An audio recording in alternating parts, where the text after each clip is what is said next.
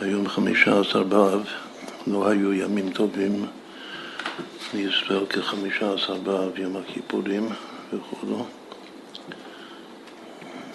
זה יום של בנות שיוצאות אה, לחול בכרמים, יום של שידוכים.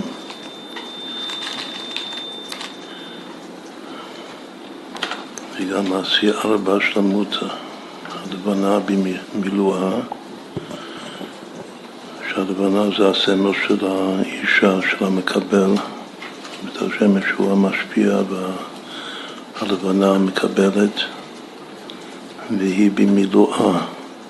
וכתוב ביום יום שבחודש אב המילוי של הלבנה זה יותר מכל חודש אחר, שכל חודש אחר זה רק בבחינת גילוי אור, אבל עצם אור והעצמות מההתעצמות של הלבנה עם האור שהיא מקבלת. זה דווקא ב... ביום הזה. זה יום מאוד גדול, שאין יום כזה בכל השנה כולה. וגם החגים שחלים בט"ו בחודש, כמו פסח וסוכות, זה לא אה, בדרגה של אה, חמישה עשר באב. הלשון שהוא כותב שם ב... ביום-יום שמכל חודש בשיאה בהשלמותא, אז הגילוי שהלבנה מקבלת, הגילוי אור בשלמות. אבל המיוחד של, ה, של החודש הזה, שזה אצלה בקביעות, זה הלשון שלו. כלומר ההתעצמות של החודש הזה זה שהאור שהיא מקבלת עכשיו זה קבוע אצלה. על דרך לעתיד לבוא, שיהיה מילוי לבנה וזה לא יתמעט אחר כך, זה יישאר ככה לעולם ועד. אז זה כבר היא בעצמה, מה שהיא מקבלת זה הפך להיות היא בעצמה, זה איך, איך, איך להסביר את זה. בפשטות זה כמו המשל של הרבה התלמיד, שהוא המשל הכללי בכל החסידות לפי הרב המגיד מזריץ' לכל סדר ההשתלשלות, משפיע ומקבל, ו... ויש מצב שה... שהתלמיד הוא קולט במקום, כאילו הוא יושב, שומע שיעור, שומע משהו בתורה ו... הוא קולט את כל האור. כאילו הגילוי אצלו בשלמות. אבל אחר כך זה יכול להתמעט, ושוב הוא בא עוד פעם וגם קולט, מגיע לשיא של שלמות הקבלה שלו. זה עשייה רבה שלמות של כל חודש. אבל uh, העניין שהאור עכשיו בהתעצמות בלבנה, בירח, שזה הדרך לעתיד לבוא, זה כמו אותו אה, תלמיד שהתורה של הרב כבר הופך להיות תורתו, ותורתו יהיה יומם ולילה. את, את קודם זה תורת השם, כלומר תורת הרב שלו, שהוא, אה, כשהוא קולט את זה, וגם גם אה, מקרין את זה החוצה, כאילו משקף את זה, מאה אחוז, אבל זה רק, אה, זה רק גילוי. על דרך מה, מה הביטוי של זה גם אה, בהלוכה, זה כידוע הסוגיה שיש על זה הרבה שיחות של הרבי, מתי חייבים על פי ההלכה לקיים את, ה, את מה שכתוב בפרקי אבות מה, מהמ"ח דברים שהתורה נקנית בהם, שבעצם זה האחרון שהוא העיקר. הכל הולך אחר החיצון, שזה אומר דבר בשם אומרו.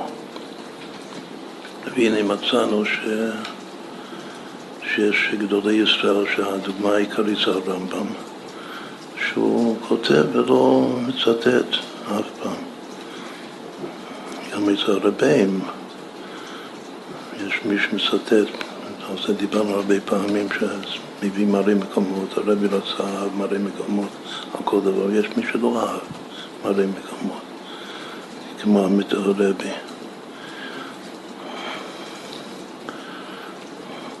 אז הרבי מסביר שיש שתי בחינות בזה, יש בחינה אחת שאם אתה לא אומר בשם מי, מי שמעת את זה, אתה לא אומר בשם אמרו, אז אתה, אתה פשוט גזלן, אתה גוזל ממנו. אז זה ממש על פי ההלכה חייבים לומר את זה בשם אמרו. זה מתי שזה לא יתעצם בך. אבל אם זה יתעצם בך, וזה עכשיו מה שאנחנו מסבירים את המשמעות של היום הזה, סיירה והשלמותא, אז על פי דין אתה לא חייב לומר את זה, רק אם אתה רוצה את הסגולה המיוחדת של מביא גאולה לעולם, כתוב שכל מי שאומר דבר בשם אמור, מביא גאולה לעולם לסגולה, זה תוספת. אז יש בזה צי דינים, יש בזה שני דינים. יש מעיקר הדין, אם זה לא יתעצם, כלומר שאם זה סייע בהשלמות אפילו, אבל כמו הלבנה בכל חודש, חוץ מהחודש הזה, אז, אז חייבים לומר בשם אחרת אתה גזלן. אבל אם, כמו החודש הזה, זה כבר רשות, איך ש... לפי ההרגש שלך, לפי ההרגש של התועלת שיש בדבר, אז כנראה שהרמב"ם הבין והרגיש שיותר תועלת יש, הוא לא, לא יאמר למה מותר לו. לא לומר בשם אומרים, בגלל שזה כבר תורתו, זה כבר התעצם איתו, זה כבר עשייה רבה השלמות של, של חודש אה, מנחם אב, למשל מנחם אצלו בשלימות. אז עד כאן אה, הקדמה לכבוד, ה, לכבוד היום הזה, מה זה מה זה עשייה רבה שלמותא. זאת התכלית זה כמובן מה, ש... מה שאחרי ארבעים שנה התלמיד קיים על דעת אדרבה, שהוא לגמרי קם על דעת רבו. זה התכלית של עשייה רבה שלמותא של חודש אב.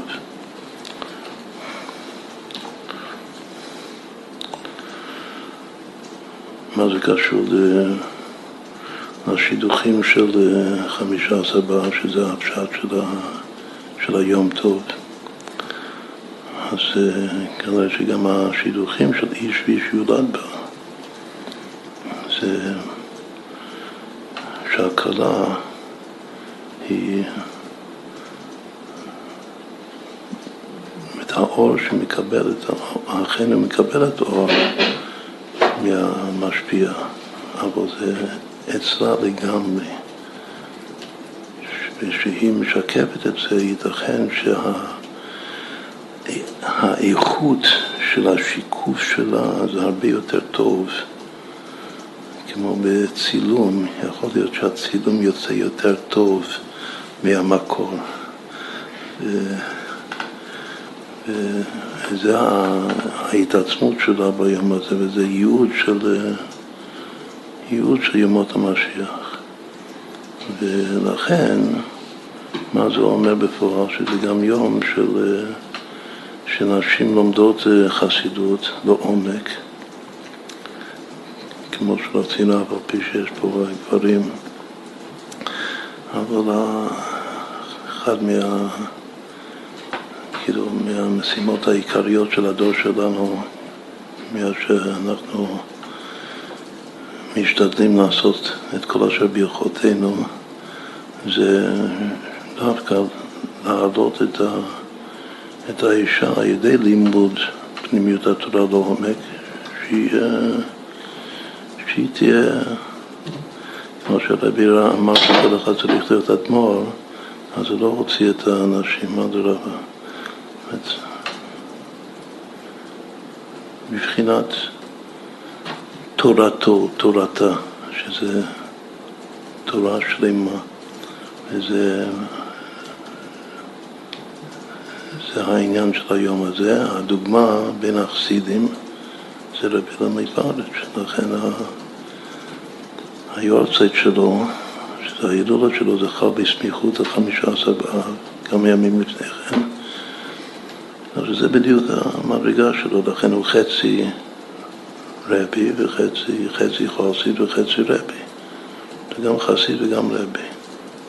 שהוא שני חצאים, שהחצי הזה זה חסיד והחצי הזה זה רבי.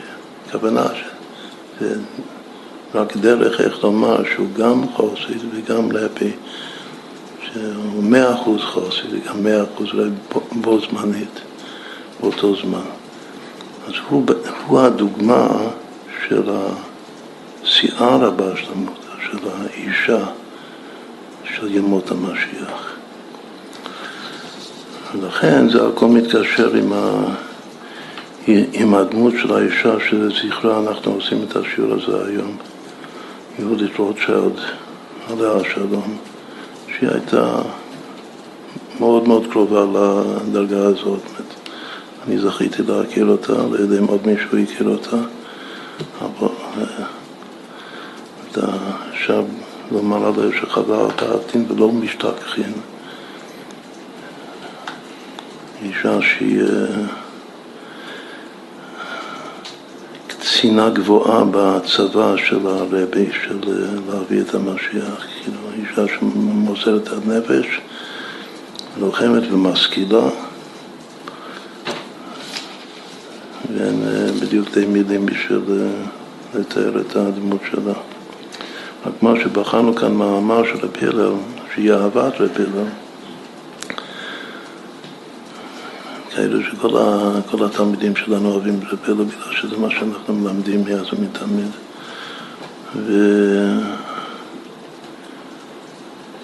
וכאן המאמר, אפשר להביא מתוך המאמר את, ה... את העבודה שלה, שזה בעצם העבודה של כולנו. כעת, לעת הזאת. אז אם כן, נתחיל לקרוא את המאמר. כדאי שכל אחד יהיה לו תהילים. רק את המאמר שתביא סידורים לכולם.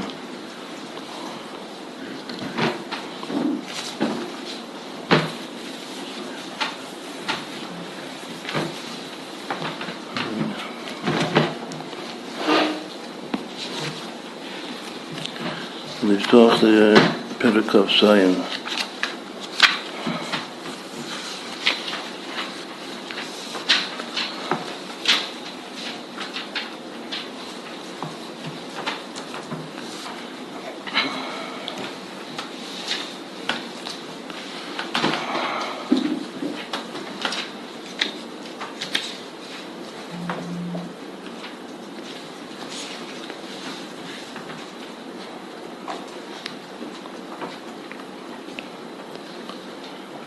זה הפרק שאנחנו אומרים מא' ראש חודש אה, אלול עד הושענא רבה בכלל. ולמוחרת הושענא רבה בשמיני עצרת כבר לא אומרים את זה, פוסקים מלומר את זה. שבעצם זה כל ימי הדין. ימי הדין מתחילים עם ההתגלות של י"ג מידות הרחמים בחודש אלול והחתימה נגמרת בהושענא רבה. ואחר כך הקליטה הפנימית, ההתעצמות, יש קשר דווקא בין היום הזה לבין שמיני עצרת, לבין שמחת תורה. כמו שעכשיו הסברנו שה... שהלבנה עכשיו, ביום הזה, קולטת את, את האור העצמי וזה הופך להיות שלה. בעקביות, זה קורה לכולם ב, ב, בשמחת תורה, שזה יום הקליטה הפנימית של כל האורות והגילויים מאלול והלאה. אבל תוך כדי כל הימים של, ה, של העבודה הזאת, של אלול ותשרי, שזה עבודת התשובה ועבודת השמחה של ימי הסוכות,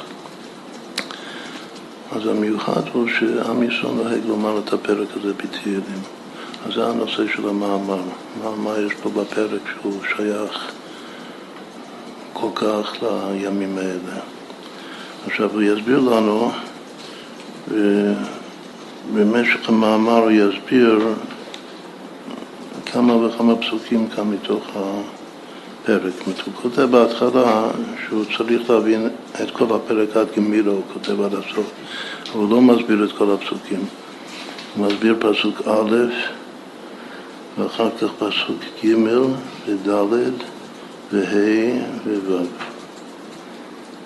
אלו הפסוקים שהוא מסביר, צריך, צריך לשים לב כאן, כדאי מאוד מאוד להסתכל ביחד. עכשיו, התופעה הראשונה שהוא כותב, הוא כותב בסוף שהימים האלה זה ימים של התקדלות י"ג מידות הרחמים. הביטוי, הוא לא כותב את זה, אבל זה הדבר הבולט הראשון כאן בפרק, שיש י"ג פעמים שם הוויה, שזה שם הרחמים. אז יש פה פרק שהוא, שהוא קשור בעצם להתגלות הרחמים של הקודש ברוך הוא.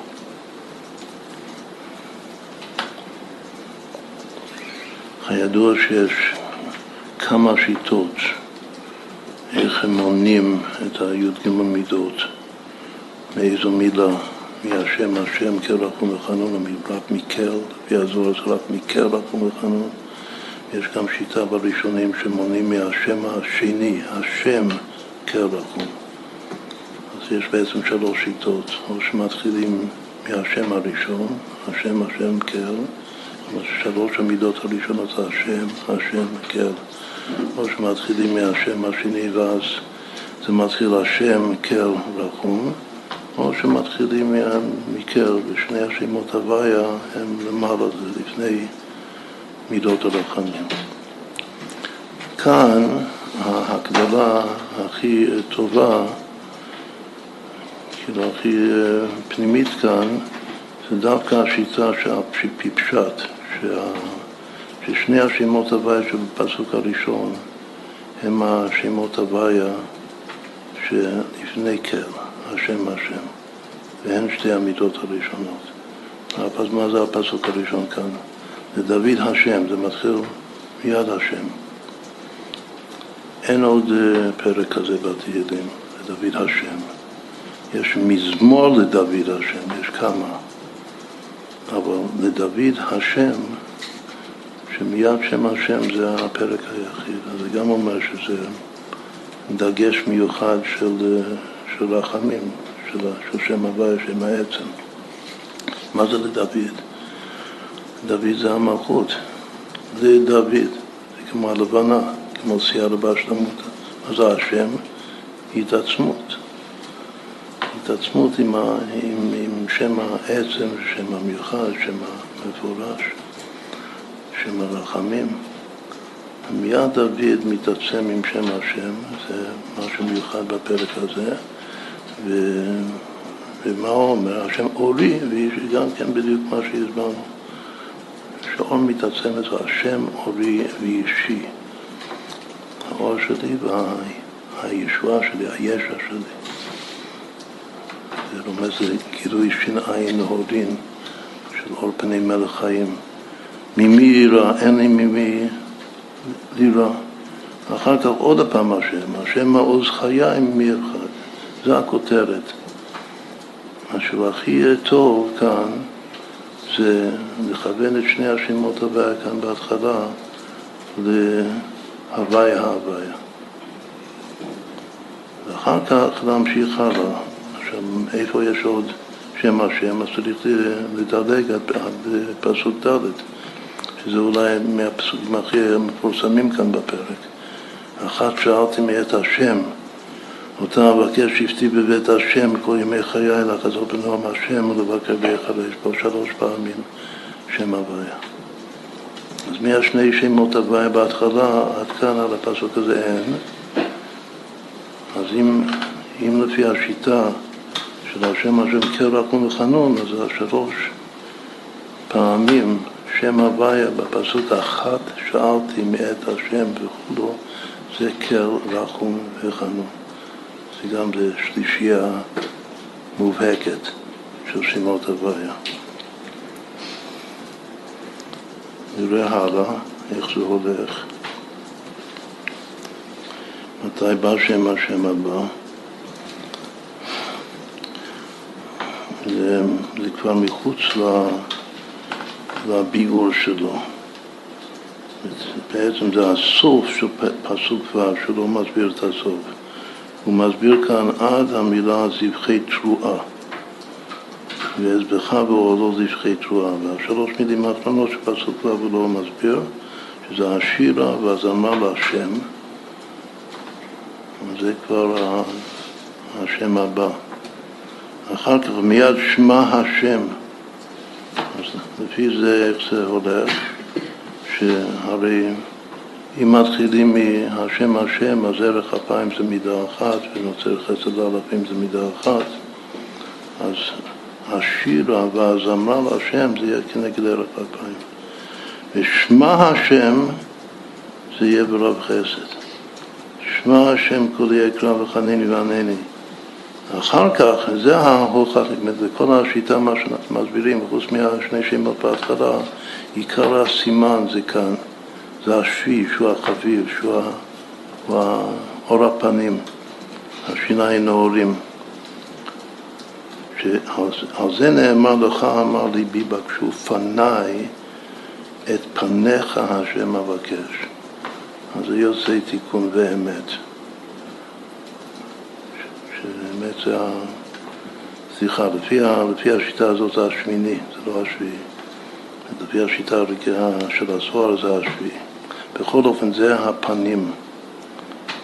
לפי הקבלה זה אור הפנים, וזה יוצא בדיוק אה, במקום הכי מתאים לו, שזה בקשו פניי את פניך השם אבקש.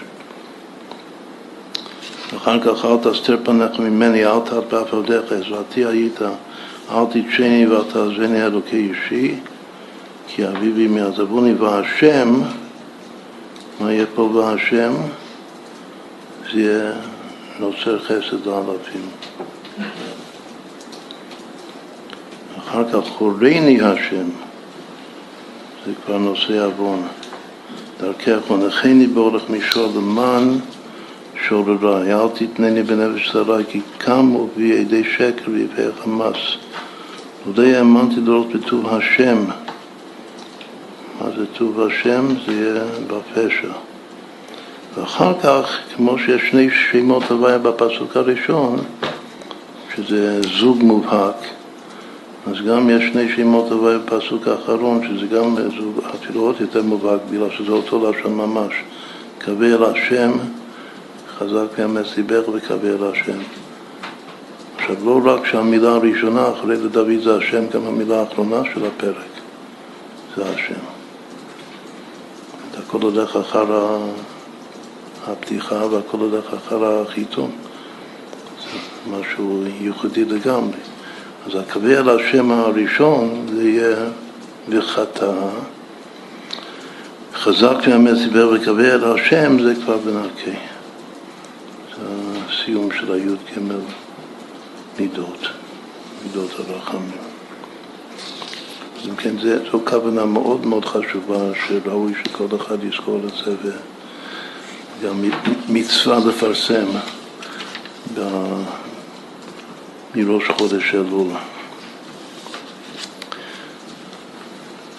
את העניין הזה שי"ג מידות הרחמים, זה כותב את זה, בסוף המאמר כותב את זה.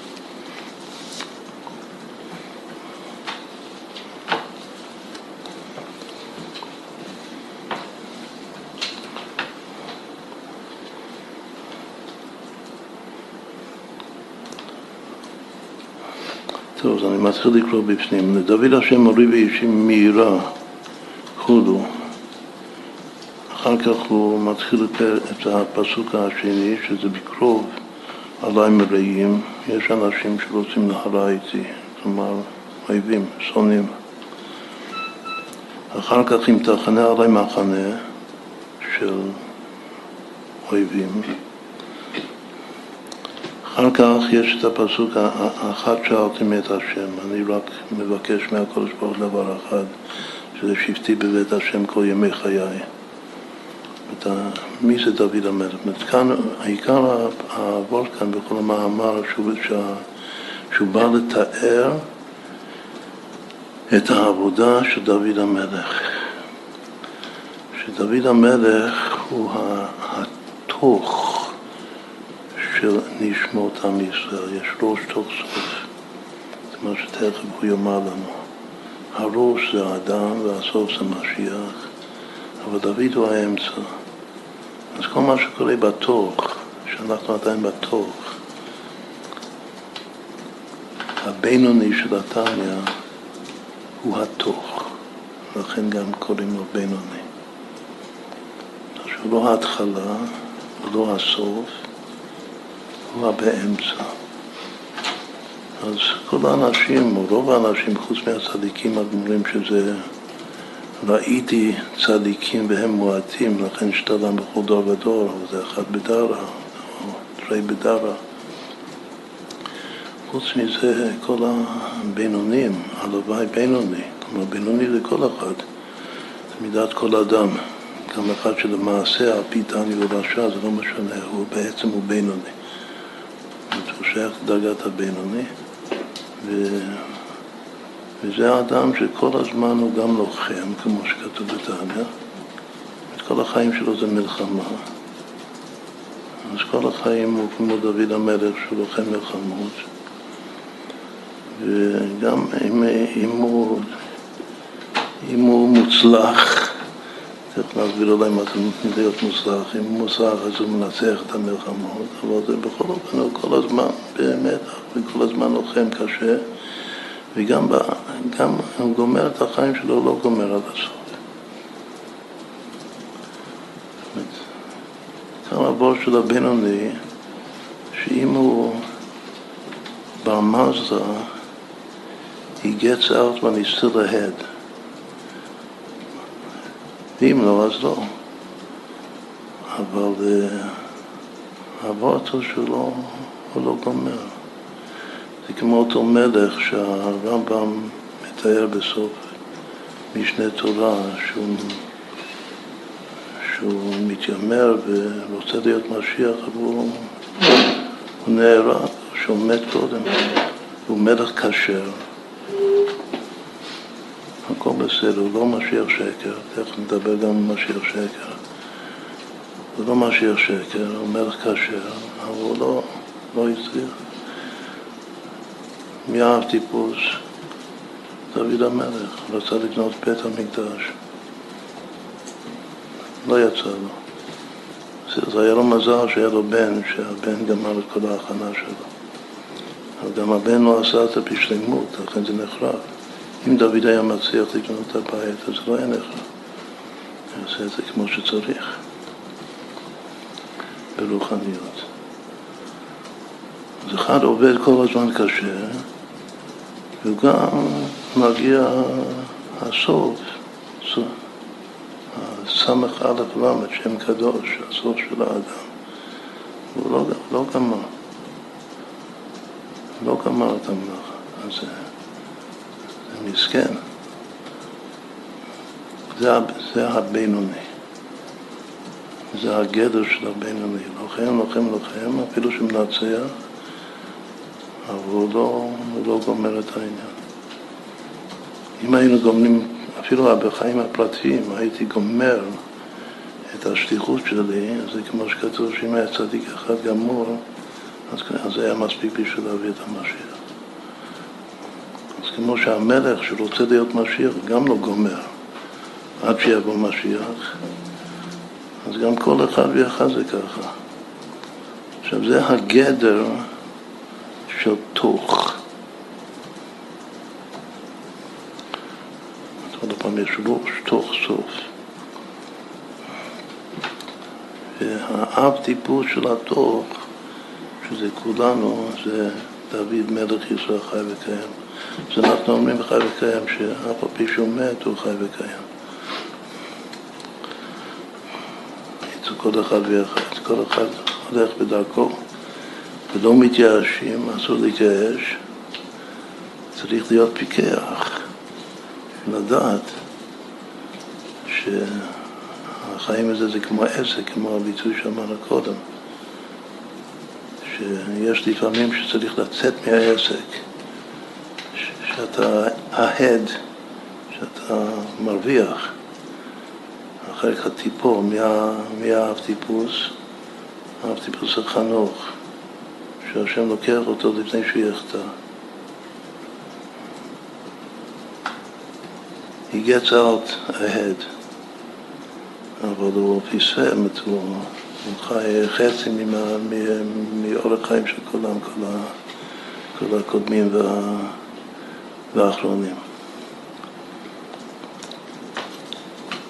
יש אחד ששוב, שזה לא, שלוקחים אותו לא בגלל שהוא, שרוצים שהוא יצא מהעסק ahead, רק בגלל שהוא עדיין בגדר, בעצם בגדר התוך, הדוד המלך, שהוא לא יכול לגמור. אדרבה, אם הייתי משאיר אותו כאן, יש צדיקים כאלה כמו דוד בעצמו, כתוב שאם דוד היה חי מאה שנה ולא שבעים שנה, אז היה גומר את, ה... את העסק שלו, היה משיח. אז לוקחים אותו לפני כן, שלא גומר. עכשיו, קשה להבין שזה כל הרוח, מה שעכשיו ניסינו לשדר את הרוח, זה בעצם מה שכתוב כאן בפרק. מה שרוצה, זה התוכן של כל, ה, של כל המאמר כאן.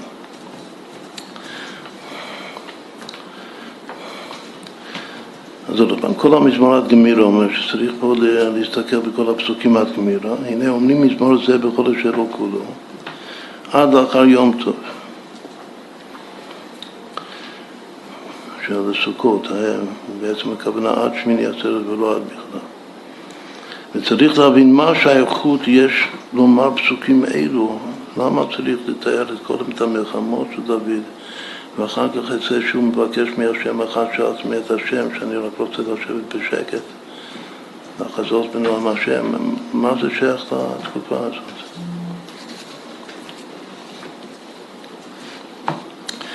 עכשיו הוא מתחיל את עיקר המבנה, מה שאמרנו. אדם, הנה אדם הוא ראשי תיבות אדם דוד משיח. זה מהאריזה. אדם דוד משיח זה מה שאמרנו קודם, זה נקרא ראש תוך סוף.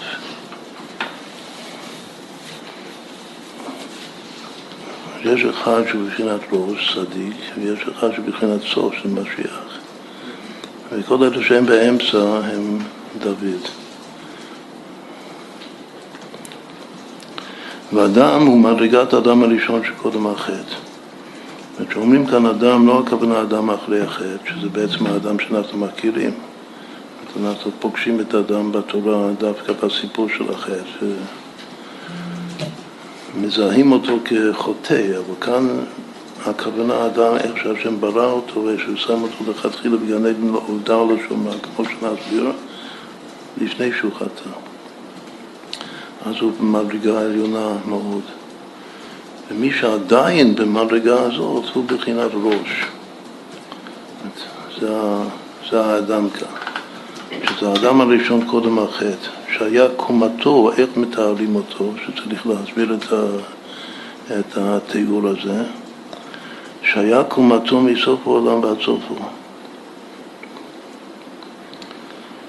הוא הקיף את כל המציאות. במהות שלו. כאילו שהוא גבוה מהשמיים עד הארץ, ולא סתם השמיים, מסוף העולם ועד סופו. ככה זה השיעור קומה שלו. ודוד הוא מדרגת האדם הראשון אחר החטא. ברגע שהוא חטא, ואז הוא גורש מגן עדן, לעבוד את האדמה שלוקח משם. בזיעת אפיך תאכל בו לחם. עכשיו הוא צריך לעבוד קשה, להוציא את הלחם. אז זה כבר האדם הראשון אחרי החטא, וזה דוד המלך. כלומר שדוד המלך מתחיל מיד עם החטא, התוך. עצם המילה תוך בעברית זה גם מלשון מלחמה במתח ועימות. אז מהחטא והלאה זה אדם הפך להיות דוד.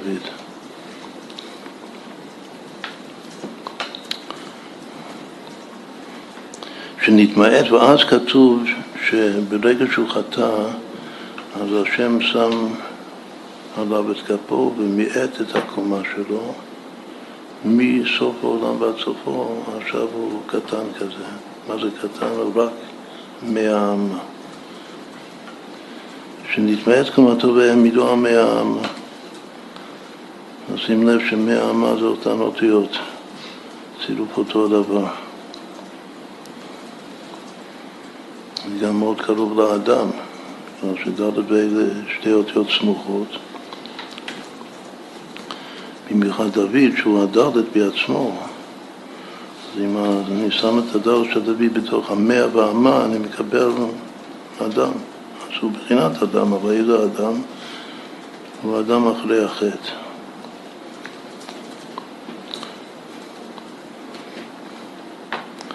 אז גם זה כמובן צריך להסביר מה זה המאה המה. עכשיו, מה זה משיח? משיח זה הסוף. משיח הוא עליית העולמות, שמה זה עליית העולמות? זה כמו שאמרנו קודם עליית הנוקבה, עליית הלבנה. זה חמישה עשר באב, לכן זה מאוד מתאים ללמוד את המאמר הזה חמישה עשר ימים לפני ראש חודש שלו, שזה היום, שכבר היום אנחנו מתחילים לאחל לכולם כתיבה וחתימה טובה לשנה טובה ומתוקה, זה היום הכי טוב להתחיל ללמוד את הנושא הזה. משיח הוא עליית העולמות ונשמות, כלומר שכל נשמות ישראל, משיח זה לא משהו פרטי, זה לא אחד אה, צדיק פרטי. המשיח האמיתי הוא עליית כל העולמות, הוא עליית כל הנשמות, כל, כל נשמות עם ישראל. כלומר שאין משיח פה בחדר בלי שכולם עולים. יכול להיות פיקוח להיות משיח, אבל לא משיח בפועל. ואז כולם יהיו, עכשיו זה מאוד חשוב להבין את הנקודה הזאת שאמרנו הרגע, בגלל שזה מסביר כאן קושייה, שתכף נראה. שיהיה כמו כאן הוא אומר משיח, אבל הוא מתכוון לכל העולמות וכל הנשמות.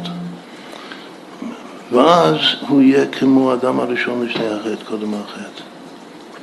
וכמו שכתוב שמשיח יהיה מדרגת האדם הראשון קודם החטא, כמו שישעיהו הנביא אומר, הנה ישכיל עבדי ירום ונישא וגבה מאוד, שמאוד זה אותיות אדם, שיהיה כמדרגת אדם שקודם החטא. אז מה הקושייה כאן? שאני...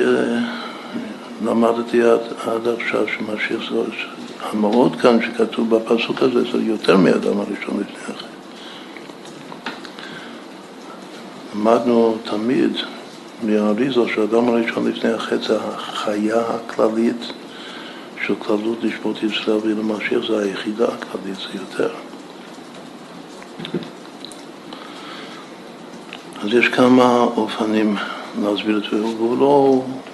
הוא לא מסביר אחרת. גם במשך כל המאמר וגם בסוף המאמר זה פשוט מה שכותב כאן, ש, שיש פה אדם ויש דוד, אדם זה לפני החטא ודוד זה אחרי החטא, ואחר כך בסוף הכל עולה, ולאן זה עולה?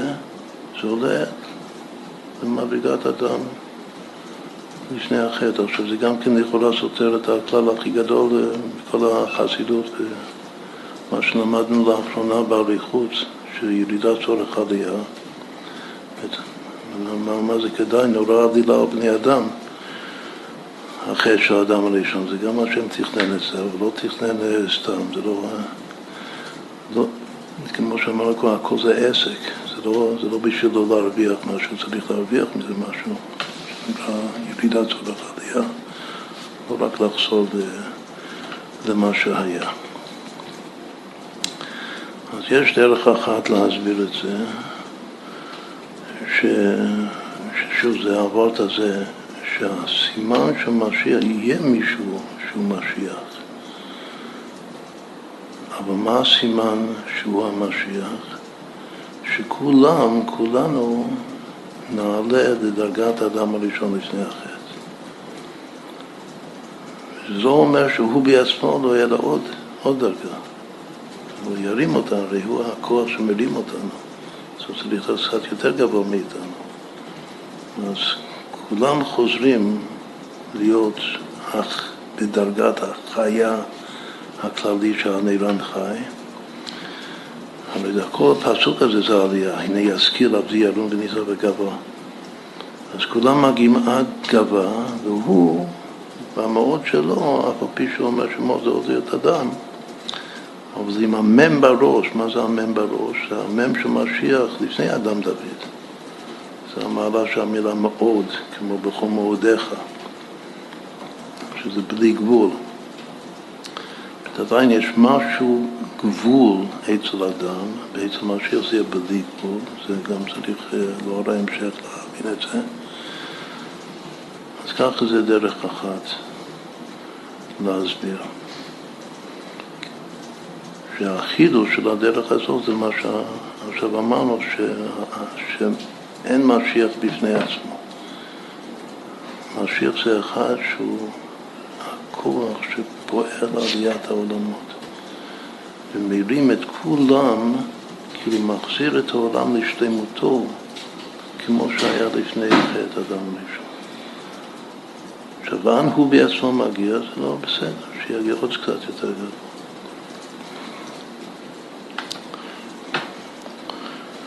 דרך אחרת, שזה משהו פשוט, הוא שהיות שמשיח זה עליית העולמות, יש פה ירידה, ובאמת יש כלל של ירידה צורך עלייה, אז התנועה של משיח זה מלמטה למעלה, זה נקרא אור חוזר, וכל אור חוזר, חוזר לקדמותו ממש יותר גבוה מנקודת המוצא של אור הישר. לפי זה זה מובן מאליו, ואף על פי שהוא אומר כאילו שזה אותו הדבר, אבל אדם נברא ככה, השם שם אותו בגלל הכל מושלם, והוא נפל, עכשיו משיח עולה, אם הוא עולה לאותו מקום, עצם העלייה, יש בזה כוח של אור חוזר שחוזר לקדמות יותר.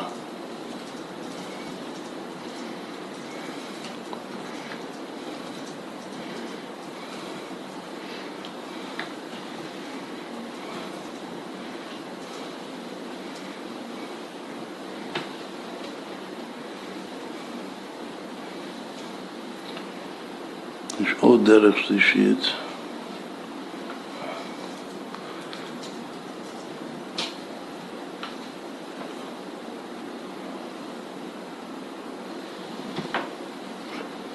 אם יש ירידה ואין שום סיכוי בעולם לקום מהנפילה, כמו שהפסוק אומר, נפלה לא תוסיף קום. ורשב"י במזור מדגיש שלא תוסיף כמו הכוונה שלא תוסיף כמו. לא כמו שקוראים את זה בחז"ל במקום אחר, ש... שנפלה לא תוסיף קום. לא, הזוהר דווקא קורא את זה לפי פשוטו, לא תוסיף קום.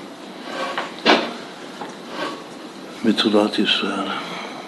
כלומר שזה במצב, באמת מצב נואש. ואף על פי כן מתרחש נס, ניסי ניסים, שבא כוח וכן מקים בדרך איך רשב"י מפרש את זה, שהיא בעצמה, היא לא יכולה לקום. בכלל, בשום פנים ואופן. לכן צריך כוח מבחוץ זה התערות דלעילה ממקום הכי הכי גבוה מהעצמות, וזה באמצעות דמות נשמה של משיח שהשם ישתול כאן בתוך הדור שלנו.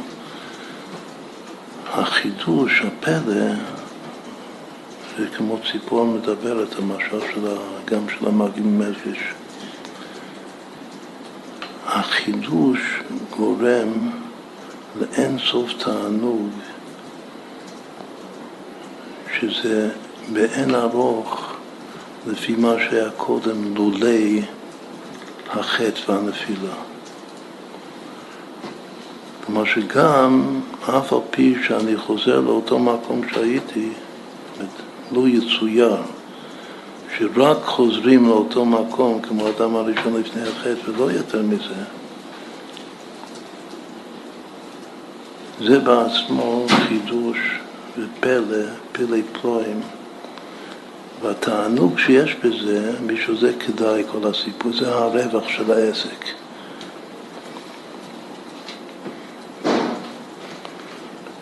את התענוג של הסוף, לאחר התוך, לאחר שהראש נפל, נפלה עטרת ראשנו, כמו שקראנו באיכה, הראש נפל. אפילו קבור באדמה, ופתאום הקיצו ורעננו שוכני עפר. אז יש בזה תענוג אינסופי. זה לא רק, לפי זה, זה לא רק המצב האובייקטיבי לאן הוא עולה, זה כאילו התחושה הסובייקטיבית גם של הקודש ברוך הוא בכבודו ובעצמו וגם של כולם. אז אם כן, הסברנו כאן בשלושה אופנים מה זה שהוא כותב כאן, שהסוף בעצם זה לחזור לראש. הוא אומר שהאדם, יש אדם הראשון לפני החטא, ויש דוד, שזה אחרי החטא, ויש משיח שחוזר כמו האדם הראשון לפני החטא, קודם החטא. אז אמרנו שדבר אחד הוא שהחידוש הוא שכל הדור חוזר בזכותו. הדבר השני הוא שזה בדרך, בתנועה של אור חוזר, שחוזר לקדמותו. הדבר השלישי שאולי זה העיקר, זה שאחרי נפילה, שחוזרים, גם שחוזרים רק, רק למקום איפה שהייתי, אז זה פועל תענוג אינסופי. דווקא בגלל שלא היה שום סיכוי בעולם, אבל אפס סיכוי לחזור. כמו אחד שהוא מת והוא קבוע. זה מצב בלתי הפיך קוראים לזה. וגם מתוך מצב בלתי הפיך פתאום צמח וחזר לאיתנו. לא כתוב שהים חזר יותר ממה שהיה קודם. כתוב שהים חזר לאיתנו. כשהוא חזר לאיתנו, יש בזה, איזה, יש בזה תענוג אה, שאי אפשר לתאר אותו.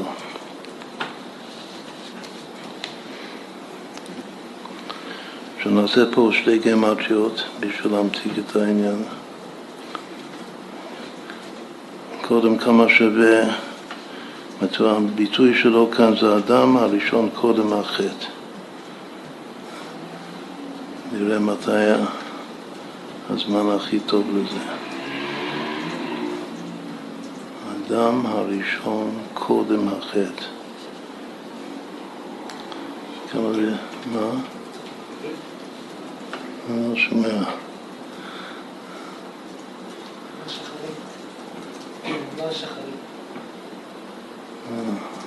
האדם הראשון קודם החטא.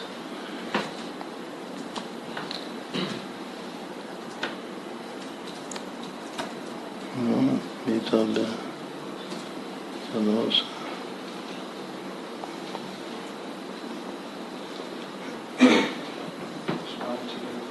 מה?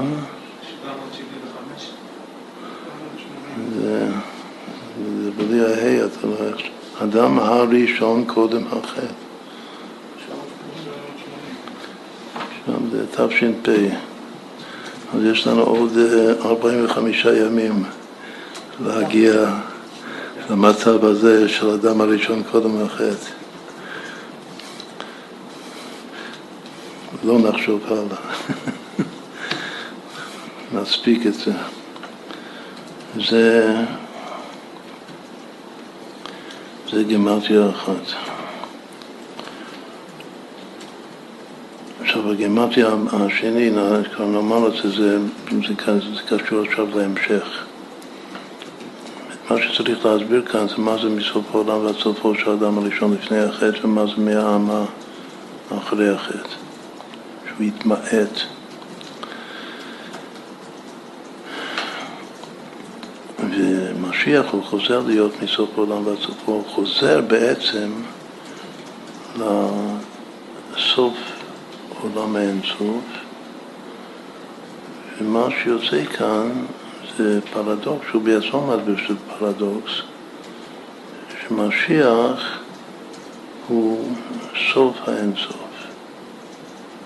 עכשיו, למה סוף האינסוף? זה תרתי דסתרי, דבר והיפוכו. זה, זה הגדר של משיח. קשור לחידוש שאמרנו. משיח הוא סוף האינסוף, כמה שווה סוף האינסוף. Mashiach is the end of infinity. ליצור יותר טוב. שם טוב בשביל ספר. The end of infinity. שווה משיח. אז זה בדיוק מה שמסביר כאן, הוא לא עושה את הגימטריה, אבל זה, זה האבות שלו. וזו הנקודה העליונה של האדם הראשון שלפני החטא. עכשיו, להיות סוף האינסוף, שזה the end of infinity, זה בעצם להיות עולם האינסוף, שזה גם ביטוי שהוא ישתמש בגלל שהמילה סוף ועולם זה אותו חשבון. כמו שיסביר ש... שאני, שעל פי הספרה הראשונה, השיחה הראשון, עולם הוא מוגבל, אז לא יכול להיות אינסוף עולם. אבל לא, יש עולם מאינסוף. עולם מאינסוף זה גם זה משיח בגימטריה. זה עולם האינסוף. או שהוא, אבל יותר טוב כמובן, יותר עסיסי, זה הביטוי שהוא סוף האינסוף. אז זה להגיע לסוף. למה משיח לא בא?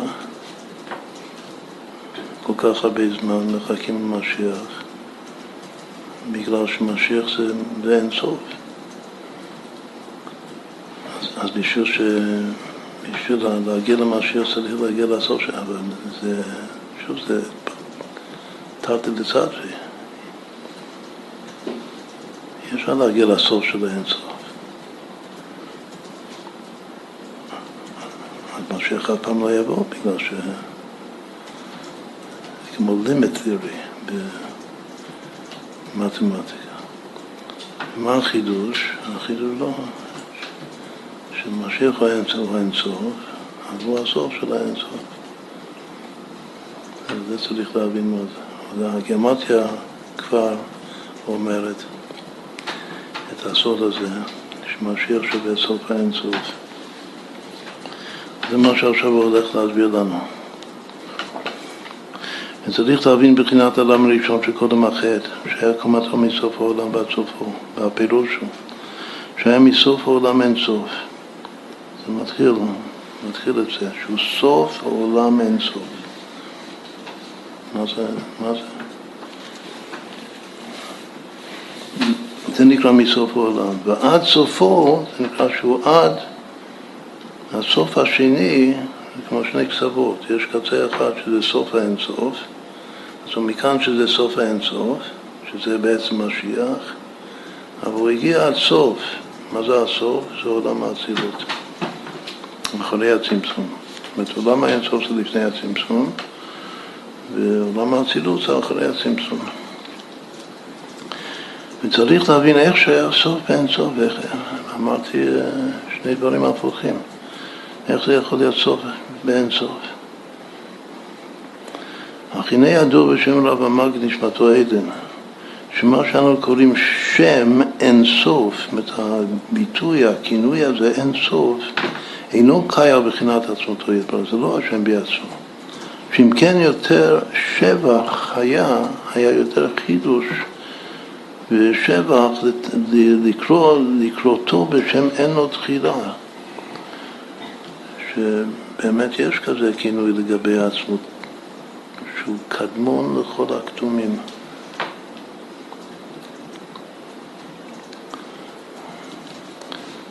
מה ההבדל בין אין לו תחילה לבין אין סוף? זה הבדל פשוט, שיש כלל בחקירה עוד לפני הקבלה בחסידות, שכל קדמון נצחי, אבל לא כל נצחי קדמון. ברצות הקל, ברצות השם, יכול להיות דבר נצחי שהוא לא קדמון, שהשם ברא אותו, וקבע שהוא יהיה לנצח, שלא יכלה. אז זה לא מן המחויב, לא מן ההכרח, שאם אתה נצחי, שאתה קדמון. אבל אם אתה קדמון, זה כן מן ההכרח שאתה תהיה נצחי. זה הכלל, שכל קדמון נצחי, ולא כל נצחי קדמון. לכן השבח, התואר, אין לו תחילה, זה יותר שבח מאשר אין סוף. שאין סוף זה כמו נצחי, אבל זה לא אומר שאתה קדמון. אם אתה, אין לו תחילה, אתה קדמון, אז זה כן אומר שאתה נצחי. גם פה יש את הרמז המפורסם שקדמון נצחי גם שווה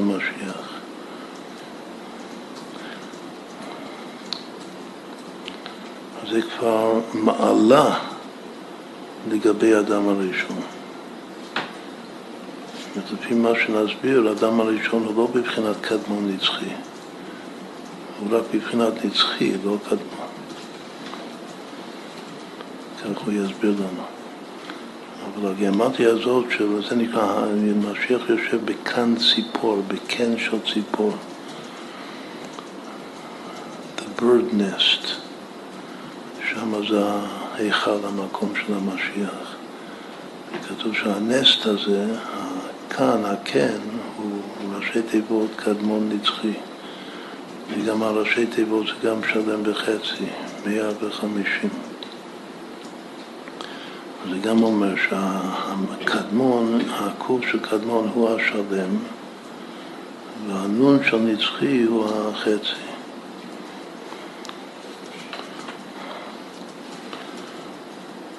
בכל אופן, מה אמר הרב המגיד? הוא אמר ש...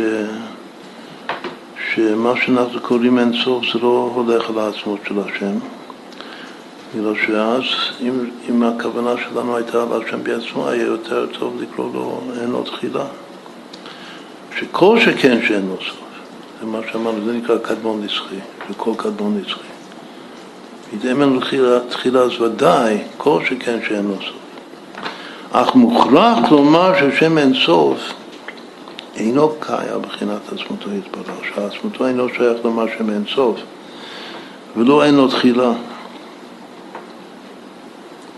יש לפעמים שכן כתוב שאין לו תחילה, זה כן מתאים לעצמו, בגלל שאין לו, כמו שאמרנו הרגע, שהוא קדמון לכל הקדומים. בכל אופן כאן הוא כותב, לכן גם רציתי לבדוק את הכתב יד אם זה מדויק. אני חשבתי שאולי יש פה טעות אפילו, שבמקום ולא אין לו תחילה, אלא אין לו תחילה.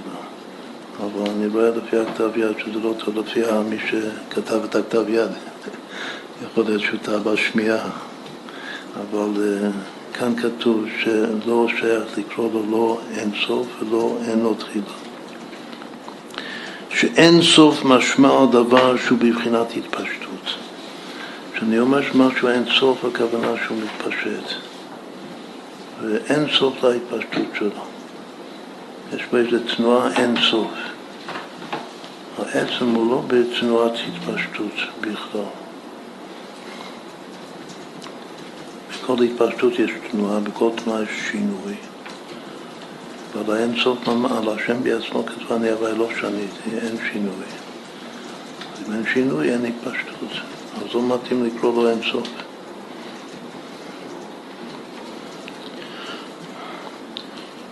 שאין סוף משמע דבר שהוא בבחינת התפשטות, הוא מתפשט. לא רק שההתפשטות הוא אין סוף, שהוא מתפשט בלי סוף. כמו שאביא תכף, שגם העולם, שהשם ברא את העולם, העולם היה מתפשט בלי סוף, אם השם לא היה מגביל אותו, שם לו גבול ואומר ש"ד י' שמר לעולם עוד די. אבל כשדבר מתחיל להתפשט, אפילו מצד הטבע אין סוף, איך קוראים לזה ב... בפיזיקה, שזה מתפשט, אז, אז הוא לא יפסיק להתפשט, אלא אם כן יש כוח נגדי מהחוץ, אנרשיה. מכוח האנרציה, האנרציה הזה, אם מתפשט, הוא ממשיך. ברגע שהשם שם אותו בתנועה, אז הוא יתפשט עד אין סוף. אלא אם כן בא איזה כוח מהחוץ ועוצר אותו.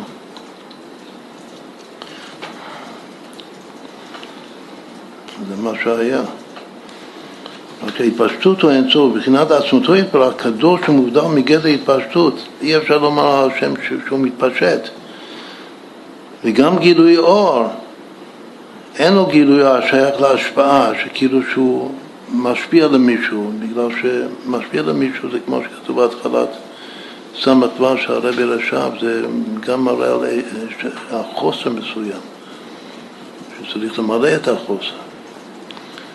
השם הוא לא בהתפשטות, הוא לא בחינת אור ששייך להשפעה, מה זה נקרא אור ששייך להשפעה? קוראים לזה אור המאיר לזולתו. אפילו שהוא בבחינת אין סוף, אפילו שהאור הזה הוא אין סוף, אבל זה אי אפשר לומר את זה על השם בעצמו.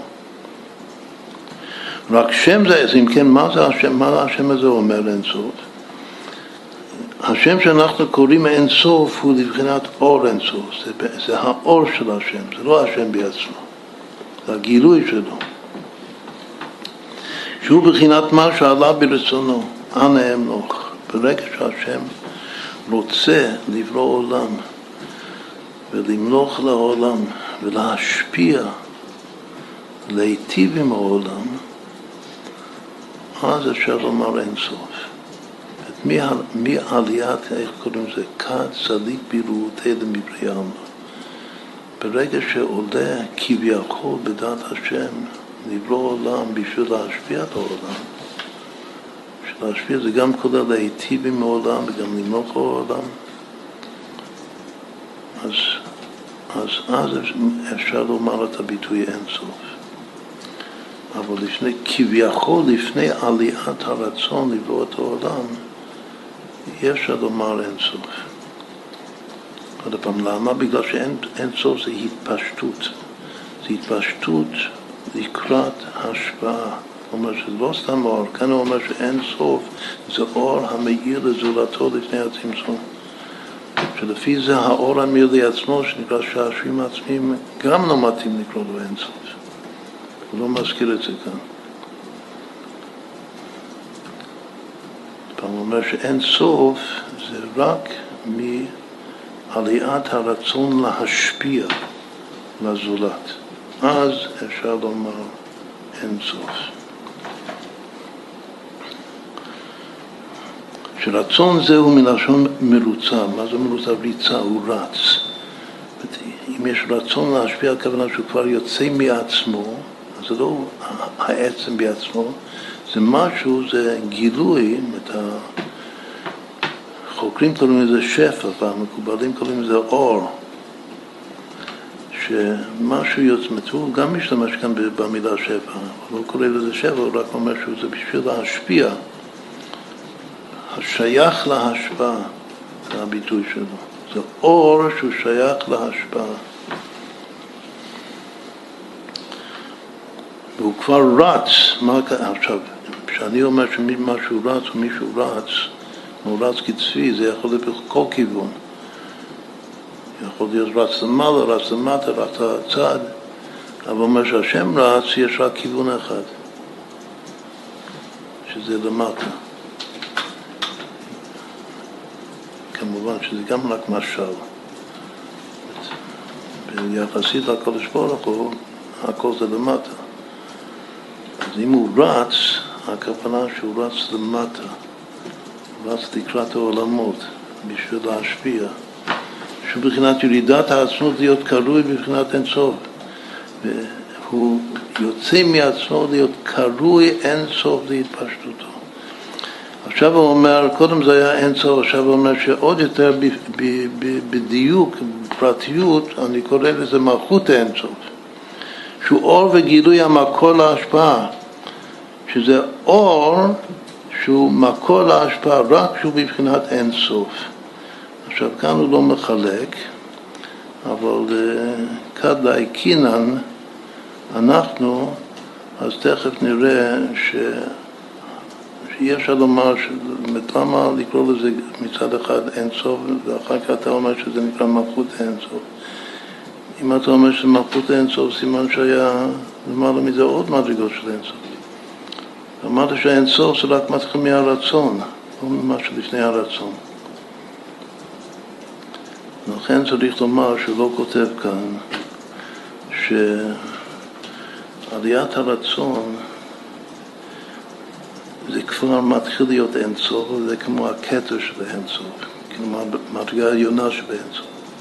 ברגע שהוא, שהוא מתחיל לבצע, להוציא את הרצון, זה עוד לא אל הפועל, הפועל זה רק אחרי הצמצום, אבל בכל אופן שיש פה איזו ריצה של גילוי אור,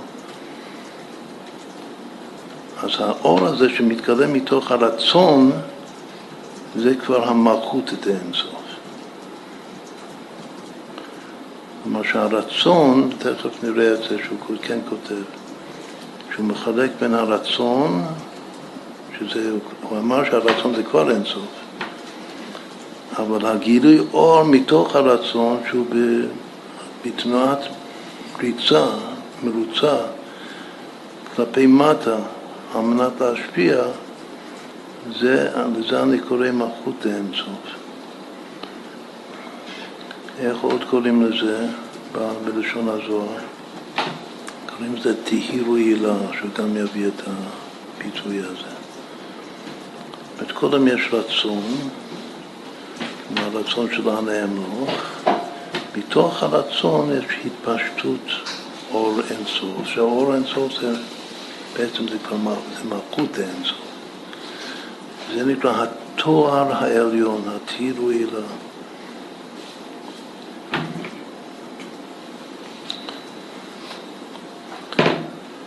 אחר כך, אני כבר אומר מה שיהיה כתוב תכף, יש את הסוף של האינסוף. את המלכות של האינסוף זה עוד לא הסוף של האינסוף. הסוף של האינסוף זה מה שהשם משאר בעצמו בכוח, כל שעתיד להיות בכוח. שאצל עמית הרבי קוראים לזה קדמון. זה לא קד... לכן יש את הביטוי שאמרנו קודם, על העצמות ממש, שאפשר לומר קדמון לכל הקדומים, אבל יש אצל האדמו"ר האמצעי יחיד אחד קדמון, וקדמון זה כאן יהיה סוף האינסוף, שזה משיח. שזה מה שהשם שיער בעצמו בכוח כל מה שעתיד להיות בפועל. אז בעצם בכללות, כן, ועל זה כתוב בהקדמת הזוהר שגליף גליפו בתהילו הילה. שהשם חקק חקיקה בתוך התהילו הילה. אז יש את הרצון, יש את התהילו הילה, שזה נקרא מלכות אינסוף, שגם קוראים לזה אור אינסוף,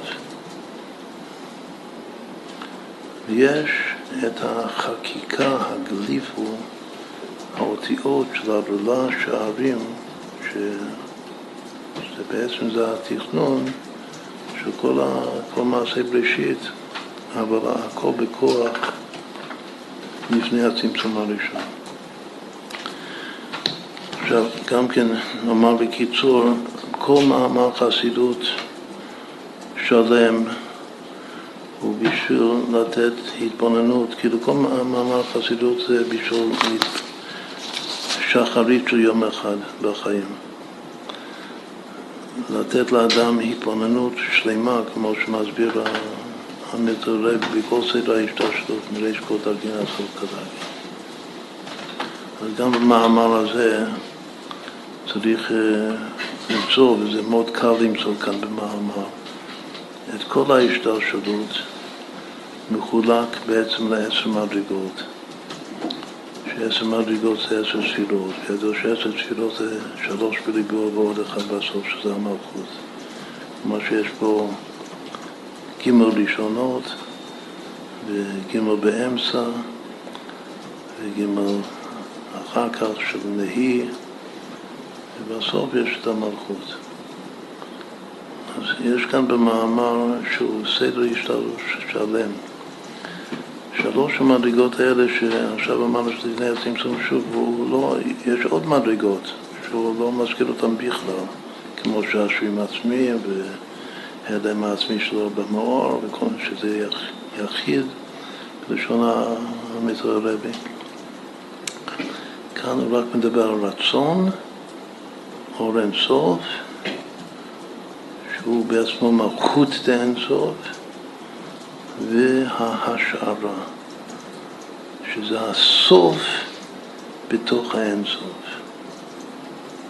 סוף האינסוף. שבמקום אחר, לסוף של האינסוף, קוראים לזה כוח הגבול שבאינסוף. שזה השלמות של השם, שיש לו כוח הגבול גם בתוך הבלי גבול. אז זה... זה הביטוי של... זה ההשערה, כן, זה, זה הקדמון. זה כוח, זה, זה, כבר, זה כוח הגבול האותיות, רק שזה לא ניכר, כמו שהרבי עכשיו מסביר. אבל יש שם כבר גליפו, יש אותיות, שזה כוח הגבול ממש, זה הגבול בתוך האינסוף. אז כוח הגבול שבאינסוף זה גם, זה סוף האינסוף. עכשיו, היות שזה ללא שערים, אז זה כבר אומר לי שזה שייך, כך קוראים לזה שערים, שיהיה בעצמו בכוח כל מה שעתיד להיות בפועל, העשרה, אז זה כבר משייך את זה לבינה, לספירת הבינה, ששם יש שערים, כמו חמישים שערי בינה, וכאן זה ריש ל"א שערים של אותיות, של צירופי אותיות לשון הקודש.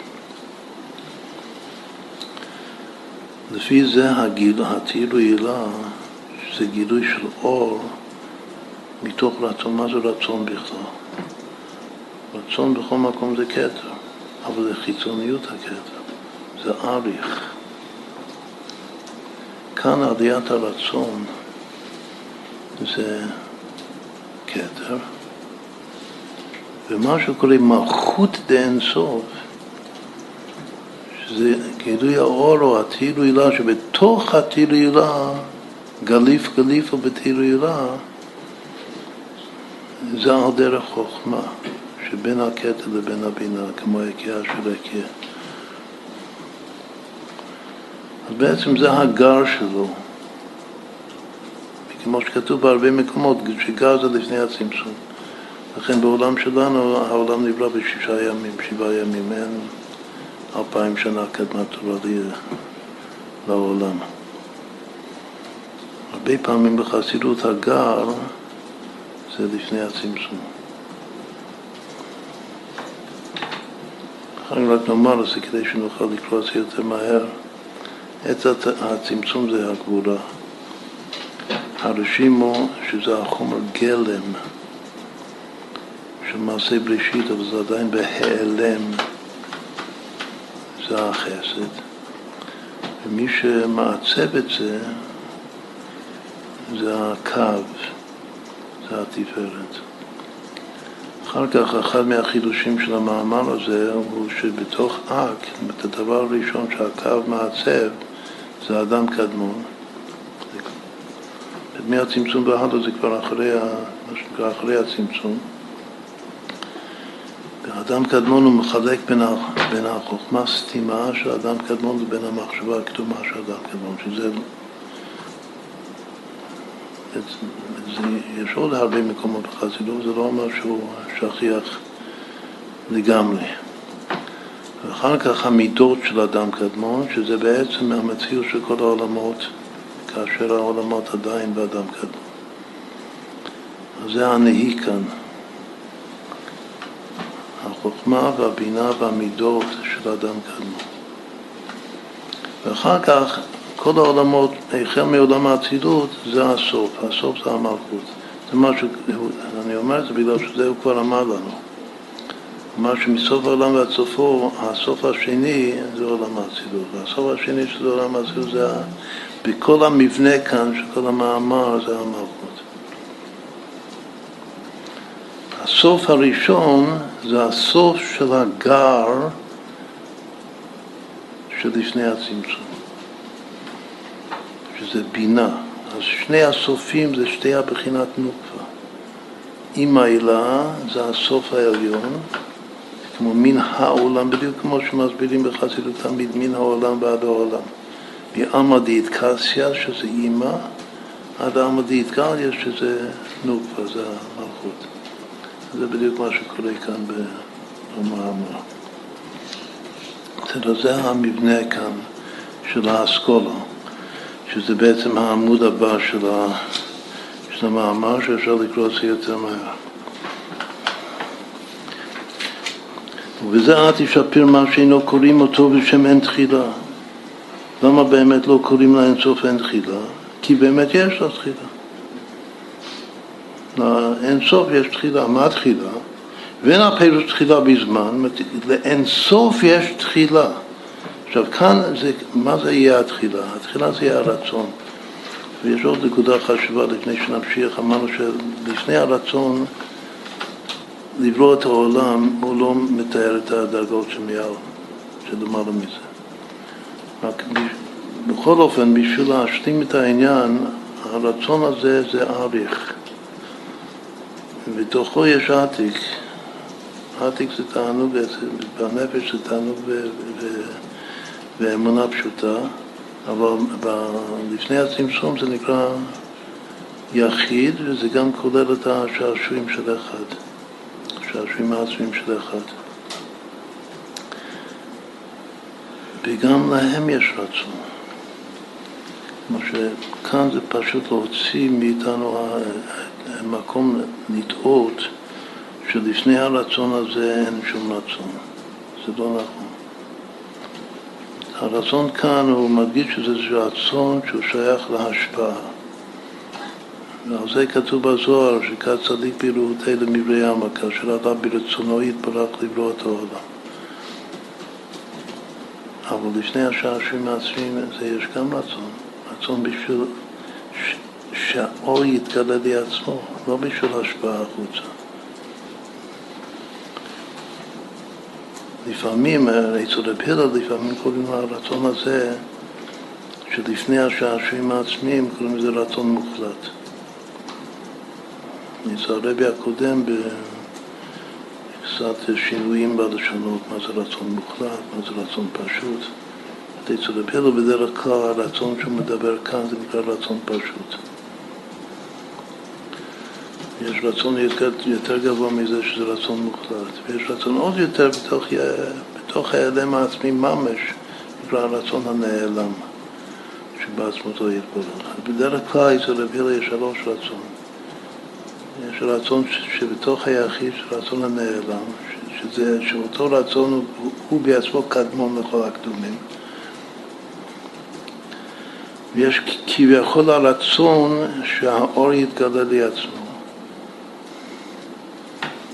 זה הרצון שהוא הכתר של השעשועים העצמיים, הרי זה כמו חוכמה ובינה. ולמעלה מהחוכמה ובינה, שזה, שזה התורה הכתומה, של אור המיר לעצמו, יש גם רצון. אבל הרצון כאן זה הרצון לבריאת העולמות. הרצון שזה יהיה שבע, זה כבר אריך, עוד פעם. שני הרצונות היותר גבוהים הם רצונות של עתיק. אבל סתם רצון זה אריך. זה מה שכותב כאן, הוא לא מדבר על, שוב, לא מדבר על המדרגות שלפני זה בכלל. אז הוא מתחיל מרצון ואומר שהרצון הזה הוא נקרא תחילה. קודם הוא אמר שזה אין סוף. עכשיו הוא אומר שזה התחילה של האין סוף. שיש לו תחילה. כאילו שהוא בא משם. אז התחילה זה הרצון, כי באמת יש לו תחילה, ואין הפירוש תחילה בזמן חס ושלום, רק תחילה במדרגה שהוא מקור, רצון בגמטריה מקור כידוע, שהוא מקור להיות אינסוף. אז כאן הוא מחלק שלהיות אינסוף, מה זה להיות אינסוף? מתי הוא כבר יהיה אינסוף? האינסוף זה התהירו, זה האור שמתפשט ממנו. המקור לאור הזה זה הרצון, שזה התחילה שלו. כי אין סוף קיים מלכות אין סוף. עכשיו הוא אומר שמה שאני עכשיו אומר אין סוף זה המלכות אין סוף. והתחילה זה לפני כן, זה הרצון. והרצון הוא, הוא המקור, שהוא מה שעלה ברצונו ענהם לו. להיות רוצה בהשפעה. אך מצד עכשיו, זה וורד שכבר אמרנו את זה, מצד בחינת הרצון לבד היה נגלה בחינת אינסוף, שהוא הכולל העולמות לאין שיעור ואין קץ. אז התהירו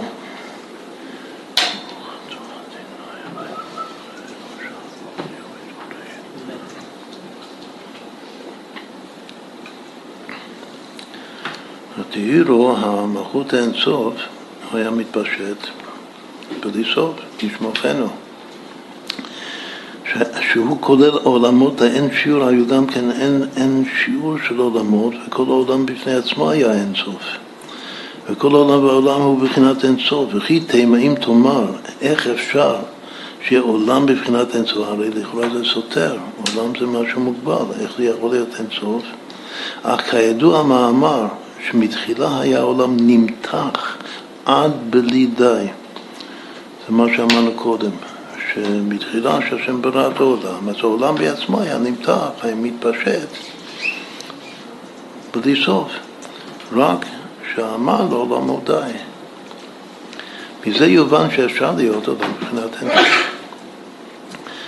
עכשיו, יכול להיות עולם בבחינת אינסוף לפני הצמצום הראשון, זה יותר אה, כאילו מסתבר. לא שיש לנו תפיסה מה זה לפני הצמצום, אבל בסדר, זה הכל שם זה אינסוף, אז גם העולם הוא אינסוף. עיקר השאלה האם יכול להיות אינסוף אחרי הצמצום. זה מחלוקת של החוקרים, והרבי כותב שכתוב שיש אינסוף גם בעולם שלנו, יש מציאות של אינסוף, הוא אומר שלא מבין את זה, אבל זה בעצם, ה... זה בעצם המחלוקת בין הרמב"ם לבין ה...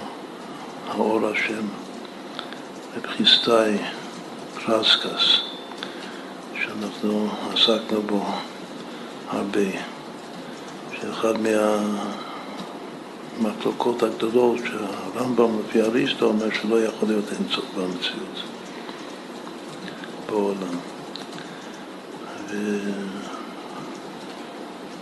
וזה, רב חיסטאי חולק עליו, אומר לא, יכול להיות אינסוף במציאות. בגלל שכל מה שהרמב"ם אומר, איפכא מסתבר. כל מה שאריסטו אומר.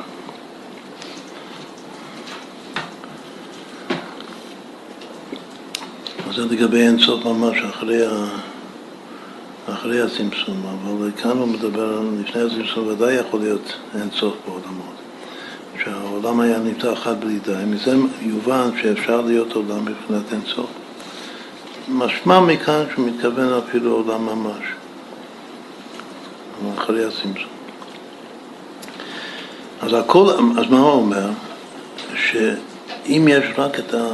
עכשיו אנחנו בונים את העץ חיים פה של המאמר הזה. במאמר הזה הרצון, שזה נקרא תחילה, זה הכתר, והאור אינסוף זה החוכמה. זה, יש פה במאמר הזה שתי בחינות שזה, שהוא קורא לזה ראשית הגילוי. יש ראשית הגילוי שזה החוכמה, יש ראשית הגילוי שזה החסד. בכל, בכל סגול, סגול זה שלישייה, או סגולתא, אז הנקודה הראשונה זה הראשית הגילוי שלו. אז במידות של הלב, ראשית הגילוי זה החסד, והוא כותב, יכתוב לנו שזה, שזה הרשימו. כך הוא יסביר, שזה גם חידוש. יש את הראשית הגילוי לפני הצמצום, שזה האור אינסוף, עתירו הילה. זה בשבילנו כאן בהתבוננות של המאמר הזה, זה החוכמה. אז הוא אומר שמצד הכוונה המלובש ברצון, עכשיו זה משהו חדש. על הרצון, אמרנו שהרצון כאן זה כמו על דרך אריך בכתר. באריך יש גם שתי מדרגות. יש הגולגלתא ויש מוח הסתימה. ובמוח הסתימה כתוב שיש טעם כמוס לרצון. וכוח הגבול, אולי זה מה שהפריע לך קודם, שאמרנו שכוח, שהמדרגה של קדמון, שזה מה שהשם שיער בעצמו בכוח, זה בעצם כוח הגבול שלפני הצמצום. אבל זה לא מתחיל משם. זה מתחיל מהכוונה שבתוך הרצון יש כוונה, זה נקרא, על דרך הביטוי שאחרי הצמצום יש טעם כמוס לרצון, שהטעם הכמוס לרצון זה במוח הסתימה, במוח הסתימה זה גבול הדעת יש שם, שזה גבול, כאילו זה כוח של גבול. בגולגלתא אין טעם לרצון בכלל. אז שמה באמת הכל זה אינסוף. הכל מתפשט בלי גבול. אבל כבר בתוך הרצון שלנו, שזה התחילה, מצד ה... שוב מה שמקביל למוח הסתימה, יש שם כוונה. נתן הכמוס הזה, כאן הוא קורא לזה כוונה. זה הכוונה של השם, הרי מי, מי זה כל המדרגות האלה? זה השם. השם רוצה שיהיו עולמות מוגבלים, הוא לא רוצה אינסוף בפועל, למטה אחרי הצמצום. אז הוא אומר שאף מצד הכוונה המלובש ברצון היה, היה שיתגלה במידה ושיעור דווקא. הוא רצה שיהיה גבול, וכל העולם יהיה במידה וגבול, ארבעה עולמות ולא יותר, עם מקורן הכוללן יחד, שהוא בחינת אינסוף. לכן זאת הכוונה, את הטעם הכמוס רצון, פעלה שיתהווה בחינת מדידה בעצמות. אז מה שהיה בתוך הרצון, בתוך הכתר, זה אחר כך בא לידי ביטוי שזה פעל מדידה, מה הכוונה במילה עצמות? זה לא עצמות השם, זה עצמות האור עכשיו. שהוא שיער בעצמו כוח מה שעתיד להיות בפועל. וזה בחינת, זהו בחינת קליף קליף הפתילו אליו. שהוא בחינת אותיות, אבל אין להם מציאות ניכרת לפני הצמצום. אבל הם שמה. מי יכול לראות אותם שמה? האדם הראשון לפני החטא. מה שיסביר בהמשך. מי עוד יכול לראות אותם, את האותיות האלה שבתוך ה... בתוך הטילו הילה יש שם אותיות, אז זה מה שרבי כותב במכתב המפורסם, שכך הוא הבין, הרי הוא מבין ברבים, בצדיקים. כך הוא הבין את האוטורפי. שהוא רופא עיניים, וככה הוא, הוא מרפא את העיניים שלנו גם כן, אבל המדרגה שלו הוא שהוא רואה את האותיות בתוך מה שנקרא עולם המלבוש, קוראים לזה, מה שהשם שיער בעצמו בכוח, כל מה שעתיד להיות בפועל. זה מה שקשה לקרוא. לפי זה האלתר רבי כבר ראה מה שהמשיח יראה. אני לא מבין מה שאתה אומר. אם הוא רואה את עולם המלבוש, והוא רואה משהו שיהיה בפועל, כל מה שעתיד להיות בפועל, אז הוא כבר השיג את סוף האינסוף. יפה. זה מה ש... אני לא יודע איך הוא היה משיח. הוא בבחינת משיח, בכל דור יש אחד שהוא בבחינת משיח. איך הוא לא היה משיח? בגלל שאני לא הייתי שם. טוב, הוא רופא עיניים, הוא צריך לרפות את העיניים של כולם, זה, זה, זה, זה כל עבוד. זה כל משהו, זה, זה אולי החידוש הכי גדול כאן, שמשיח זה אחד שהוא מעלה את כל הדור למדרגה הזאת, שהאדם הראשון שלפני החטא. לא הייתי שם, את כל הדורות, לא רק את הדור שלו. יפה, את כולם, מסכים. כולם, זה הכיף של עליית העולמות ועליית הנשמות. על הנשמות זה אותן נשמות. מה שהיה הוא שיהיה, הוא. כל הנשמות של כל הדורות זה כאן בחדר, כולם פה. רק שכולם יעלו. זה אותן נשמות, אז אם הם כבר עלו פעם אחת, מה זה משנה עכשיו עוד פעם? כאילו לחלק את זה זה סתם. שיעלו, עוד פעם, שיעלו. שיצאו מהקבר. אז זה כבר בעצם עלה, ורק אנחנו... זה בעצם כבר עלה בדור של האדמו"ר הזקן. מי אומר שזה עלה? היו עדיין מסנגדים. לעת החסידים זה ועלה. היו מסנגדים. היו גויים. צריך לעשות תיקון על כל הדור. בשביל זה יש לנו את המהפכה הרביעית. אבל זהו בחינת קליף קליף ותירו הילה, שזהו בחינת אותיות. למדוד ולשער כמה עולמות יתגלו. שם בתוך האור אינסוף, בתוך התילו הילה, זה לגלו, לשער כמה עולמות יתגלו. עכשיו זה בינה, וזה בינה יתרה ניתנה באישה יותר מבאיש. זה הבחינה של אשת חייל עטרת בעלה שדיברנו בהתחלה לגבי מילוי הלבנה.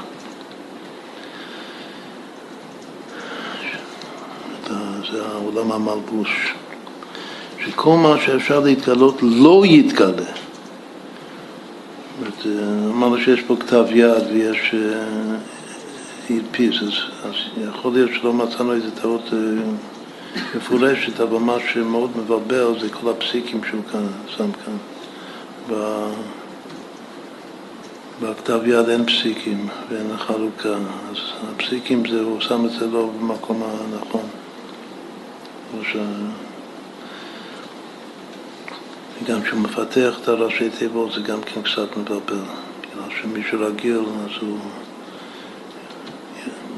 הוא אומר משהו בראשי תיבות, זה כאילו זה משהו אחד. ברגע שהוא מפתח את זה, זה הופך להיות הרבה מילים שזה קצת מבלבל את הראש. יכול. לכן יותר כדאי לקרוא את זה בכתב יד. חוץ ממה שיכול להיות ממש טעויות, שבינתיים לא מצאנו. אז עוד פעם, וזהו בחינת קליף קליף ופתיר רעילה, שזה בחינת אותיות, למדוד לצייר כמה עולמות יתגלו, שכל מה שאפשר להתגלות לא יתגלו. את הפסיק שם הוא לא במקום. אלא מה שכן יתגלה, ארבעה עולמות ולא יותר, כמו שנתגלו עכשיו. זה מה שהשם רצה. אך מכל מקום, בחינה זאת, שיער בעצמו הנזכר לאל הוא רק מדידה בכוח ולא בפועל. זה בכוח אצל השם, זה לא יכולת, היכולת לא מדבר כאן בכלל, זה לפני עליית הרצון. אבל זה שיש את כל העולמות בכוח, זה השיעור. וזה אנחנו קוראים הבינה הכללית של כל ההתבוננות של המאמר הזה. והכוונה הייתה שיתגלה בחינת עולמות כבודים בפועל. השם רצה שזה יהיה בפועל, לא רק בכוח. זה הביטוי, שיהיה בעצמו בכוח כל מה שעתיד להיות בפועל. זה צריך להיות בפועל. לכן הייתה צריך להיות בחינת הצמצום. שהוא פעל שכוח האינסוף נתעלה, נתעלה זה כמו הסתלק, ונתגלה בחינת האותיות בפועל, לפעול גילוי העולמות. זה הצמצום. כמו שבסגנון של, בדרך כלל של רבי רש"ב, זה נקרא שכוח הבלי גבול להתעלם, בכוח הגבול התגלה. זה מה שעשה הצמצום, עשה היפוך יוצרות. שלפני הצמצום כוח הבלי גבול היה בגלוי וכוח הגבול היה בהיעלם. על ידי הצמצום זה התהפך. מה זה הצמצום הכוח הזה? זה הגבורה של השם. כמו שכתוב בכל מקום, שסוד הגבורה זה הכוח לצמצם. ולפעול תוך כדי הצמצום את היפוך היוצרות, שהגבול יתגלה. אבל עכשיו הוא אומר מה שאמרנו קודם, וראשית הגילוי הוא בחינת הרשימו. זה החומר גלם, הרשימו. חומר בגמטיה אברהם, שזה חסד. אבל זה חומר היולי. הכוונה היהודי, זה מה שכותב כאן, והוא עדיין בהיעלם לגבי גידוי עולמות. אז עדיין לא רואים אותו, זה עוד לא תכלס. לכן היה צריך להיות נמשך אחר כך מבחינת הקו, בשביל לעצב אותו. שהוא פעל המדידה בהתגלות. להתאבות ממנו כל הבחינות האדם קדמון. עכשיו כאן אדם קדמון, כל הבחינות, יש לו שלוש בחינות גם כן. והם הנהי כאן של המבנה הכללי. זאת אומרת, מה החגת? החגת זה הצמצום והרשים ובעקב. זה הגר? הרצון ואור אינסוף השיעור. אחר כך הצמצום והרשים, השמאל כאן מתגלה לפני הימין כמו בהרבה מקומות. והגר זה לפי הסדר, קודם הרצון, אחר כך האינסוף. האור אינסוף, שקורא לזה מלכות האינסוף, בעצם זה חוכמה כאן, והשיעור שזה הבינה. זה לפי הסדר, גר, הקיעה של הקיעה. אחר כך החגת זה הצמצום והרשימו. עכשיו נאמר משהו חשוב מאוד לגבי הרשימו. אם קודם דיברנו על, על חקירה, והרמב"ם ואריסטו, אז כמה ש... ש... כמו שרבי חיסטאי לא אוהב. להסתמך על אריסטו, גם הרמב"ם הוא התלבט מאוד לגבי, לגבי קדמות העולם, שלפי אריסטו העולם קדמון. זה עיקר השאלה, והרמב"ם אומר שאי אפשר להוכיח, אין, אין שום דרך בשכל להוכיח שהעולם לא קדמון. רק שכאן אני מאמין, אין גם דרך להוכיח שזה כן קדמון. היות שאין דרך להוכיח שזה לא קדמון, שזה כן קדמון, אז אני מאמין מה שכתוב בתורה, שזה, שהעולם נברא יש מאין. עד כאן. ובנקודה הזאת אין מחלוקת הרב חיסטאי. אבל מה שמאוד מעניין, שהקבלה כוללת את ה... לא יודע אם פעם היה לנו שיעור על זה או לא, את שתי הבחינות. בגלל שהרשימו זה, זה בעצם, זה, זה חומר גלם שהיה. לא בריאה יש מאין. מה הביטוי בחסידות? שהרשימו לא נגע בו הצמצום. זה חומר גלם שלא נגע בו הצמצום בכלל. וזה בעצם החומר גלם של המציאות. אז הנה, לכאורה זה אומר שהעולם קדמון, שהמציאות, שהשולחן קדמון. אז בסופו דבר הוא, הוא בא מהרשימו. אז זה נשמע אריסטו להבדיל מוחלט. ההפך מיש מאין. אבל אנחנו מאמינים ביש מאין, אז איך זה הולך ביחד? גם זה דבר בהיפוכו. אנשים הוא לא נברא, לא נברא יש מאין. אנשים זה מה שלא נגע בו הצמצום. אין, אין כזה דבר יש מאין לפני הצמצום. בסדר. כשאומרים יש מאין זה לא, לא מתכוונים לפני הצמצום. יש צמצום, זה היה השיחה של הרבי רש"ב, שיש משהו, עכבה, שזה על דרך, יש לנו אפילו, אחד בספרים שלנו יש לנו ממש 13 צמצומים, שזה הדילוגים, אז יש, אבל זה לא הביטוי היש מאין ואפס המוחלט, זה לא מה שלפני הצמצום הראשון של היצחק. מה זה? זה גם זה בבחינה של דוד המלך. מה דוד המלך אומר?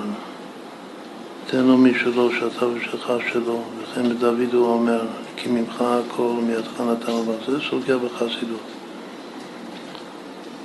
שמצד אחד, מה שאמרנו עכשיו זה לא שלא חידשנו פה משהו, זה סוגיה שלמה בחסידות, שפעם בדרך כלל אומרים שהכל זה יש מאין, אבל כתוב כי ממך הכל. שהכל זה ממך, זה חלק ממך, מתרשים זה ממך, זה לא נגע בו הצמצום. אם בסופו של יום אנחנו רוצים לומר שאל תסגות, שהכל זה השם, אז,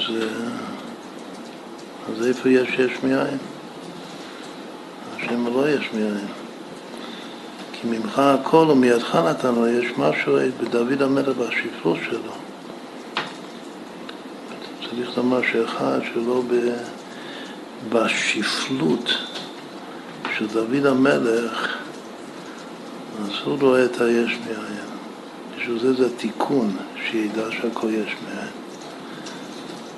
ולך שהוא גורניש, מתנישט, שהוא הלבנה של לטלק, שגם שהיא במילואה, גם בחמישה עשר באב, היא עדיין בתודעה של לט למי גמר כלום, אז הוא גורנישט, וממילא הכל זה השם. עד כאן מאמר מוזכר לגבי, ה... לגבי הרשימה. עכשיו, אז, אז מה אמרנו? שיש לנו גר, שגר זה הרצון והאור והשיעור, ואחר יש לנו חגת, שזה הצמצום בהרשימה והקו. לפי זה משהו, נאמר עוד מילה, לפי זה אברהם אבינו הוא קדמות העולם, ויצחק הוא בריאה יש מאין.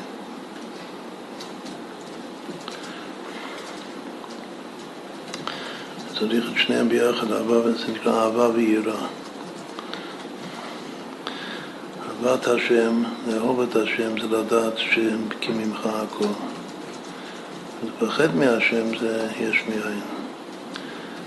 למה זה לפחד מהשם? בגלל שאם זה יש מאין, אני יכול בן רגע לחזור להיות עין. אין שום ביטחון כאן שאני יש בכלל.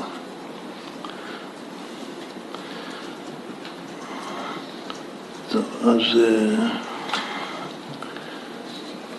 אז, אז עכשיו הגענו לנהי. הנהי זה כבר אדם קדמון, שהרבה פעמים והוד זה חוכמה ובינה. אז ככה זה כאן, שהנצח והוד של כללות המבנה כאן זה החוכמה ובינה של האדם קדמון. והמידות שלו, שזה בעצם כל העולמות זה המידות שלו, כמו שיסביר, אבל זה בתוכו עדיין, זה היסוד.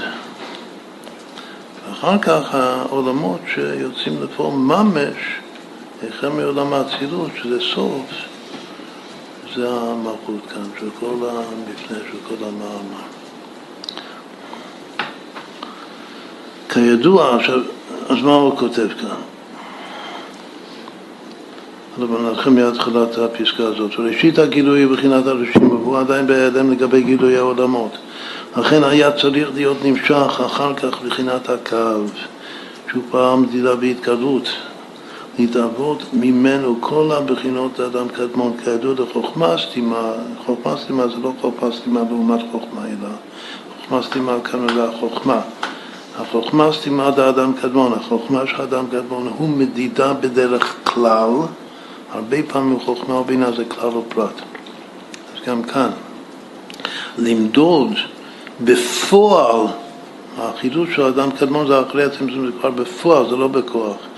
זה למדוד את העולמות בדרך כלל, זה החוכמה סתימה של אדם קדמון, החוכמה שלו, בינה של אדם קדמון, המדידה בדרך פרט, כל אחד בפני עצמו. שזה המעלה של, ה, של הבינה לגבי החוכמה, של הבינה יתרה ניתנה באישה. שכל ההשתלשלות נמדדו שם בדרך פרט, שהוא, למדרגה הזאת הבינה של אדם קדמון קוראים מחשבה קדומה דאדם קדמון. אחר כך נמשכו בתוכם מידות האדם קדמון, שבתוכם כלולים כל המידות דארבע עולמות, אצילות בריאה יצירה עשייה, שהם מקורם האמיתי, זאת אומרת המקור האמיתי של כל העולמות, הביאה זה בתוך המידות של האדם קדמון. ככה קוראים אותם, נקרא קוראי הדורות מראש. זה כל הבחינות שנעשו ונבראו, כמו שכתוב קוראי הדורות מראש. אדם קדמון. כאן הראש זה דווקא המידות שלו. שמשם נמשכו כל בחינת, כל בחינות העולמות. שהוא כולל כל הרצונות. למה, למה הוא אומר רצונות? בגלל שהאדם קדמון ביחס להביע זה רצון. זה הרצון בפועל של כל העולמות. אז כל העולם באדם קדמון זה הרצון לאותו עולם. את עולם האצילות בתוך אדם קדמון זה הרצון שיהיה עולם האצילות. אבל זה רצון כבר, זה נקרא רצון בפועל. וגם כל פרט זה ככה. את מלכות דמלכות, זה עולם העשייה, זה הרצון איך הוא נמצא באדם קדמון, זה הרצון שיהיה מלכות ומלכות העולם העשייה וככה. אז כל הרצונות של כל העולמות, זה הכל נמצא באדם קדמון, במידות שלו, שזה אמרנו שזה ספירת היסוד כאן של כל ההתבוננות. ובזה יובן מאמר נזכר לאל שקודם החטא היה אדם הראשון קומתו מסוף העולם ועד סופו, פירוש מסוף העולם אין סוף. דהיינו שהיה מאיר בו אותיות דגליף גליפו, שזה הבינה, האותיות, שזה כוח הגבול של גליף גליף, זה הבינה של, של לפני הצמצום, מה שאמרנו, הנזכר לאל, שהם פעלו בחינת סוף באין סוף, גבול בתוך הבלי גבול. זה סוף האין סוף, זה משיח. ועד סופו, מה הכוונה ועד סופו? היינו כל הבחינות שנגלו מבחינת האותיות הנזכר לאל, עד בחינת סוף עולם האצילות. זה כבר המלכות של ההתבוננות שלנו. והכל זה אלו. למה הוא נגמר שם ולא אומר הלאה, ביה? בגלל שהכל זה אלוקות. עד סוף עולם האצילות זה עולם האלוקי. אין שם מודעות עצמית, הרגשת היש. לכן היה יכול, עכשיו, כאן יש וורט יפה. אמרנו שמי שהיה דומה למדרגה הזאת זה כמו אדמון הזקן, שהוא, שהוא ראה את האותיות במרבוש. לכן היה יכול, האדם הראשון שבמדרגה הזאת לפני החטא היה יכול לקרוא שמות לכל החיות והבהמות. אחרי החטא הוא כבר לא היה מסוגל לתת שמות לכולם. כמו שכתוב ויקרא אדם שמות לכולו, למה? היינו שבגלל שהוא הביט, הוא ראה את האריה באותיות של הגליפו. היות שהוא ראה אותו באותיות של הגליפו, אז הוא יודע שקוראים לו אריה, שלדבר הזה קוראים אריה. והיינו שהביט בחיות של כל נברא ונברא עד שורשו, הגיע בחיות שלו עד השורש שלו, איפה זה השורש? בשיעור. בעלמא קסיה הכללי כאן, שזה אימא הכללי, מבחינת המדידה שבעצמות הנזכר לאל. וכל זה היה מדרגת אדם הראשון שקודם החטא. אך אחר החטא העמידו על מעמה.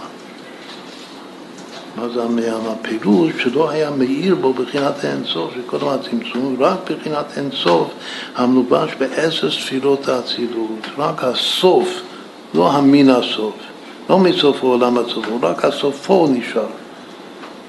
זאת קודם הוא היה מסוף העולם ועד סופו, ואחרי החטא רק הסוף השני נשאר אצלו, שזה העשר ספירות של עולם האצילות, שעשר פעמים עשר זה מאה, וזה המאה המה שלו. שם בחינת מאה המה, שכולל גם בחינת מוחין. זה כולל לא רק המידות, זה כולל גם המוחין של עולם האצילות. אבל זה לא כולל את הסוף העליון, שזה סוף עולם האינסוף, כמו, כמו שהיה לו קודם החטא. והנה ידעו שהחטא היה עכשיו. גם איך שהוא מחלק את הפסקות זה לא נכון. כאן זה עכשיו מתחיל פסקה משהו חדש לגמרי. והנה ידוע, והנה ידוע שהחטא היה על ידי הנחש היא שיעתו. עכשיו, מה שלמדנו עד עכשיו זה היה רק איזה המבנה, מה שקראנו זה עשר ספירות כאן של המאמר.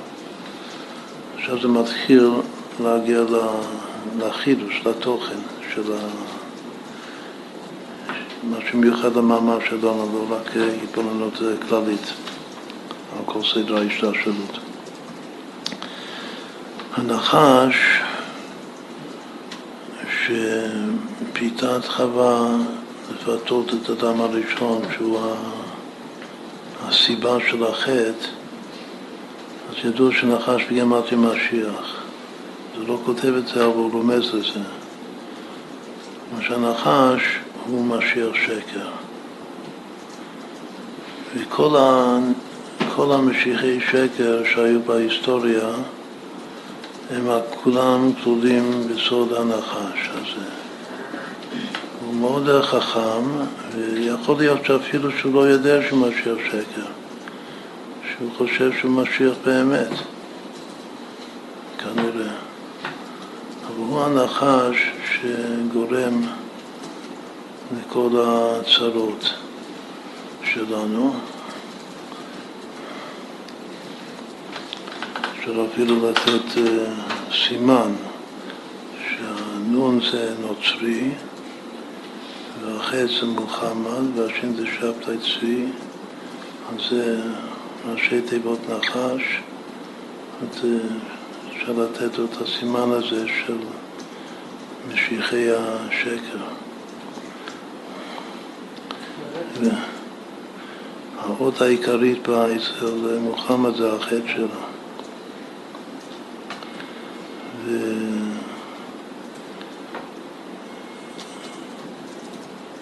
שוב, בגימטריה, עכשיו זה יהיה חידוש מה שהוא כותב כאן, בגלל שעד עכשיו חשבתי שהוא סתם מסית, סתם אה, בחור רע, הנחש הזה.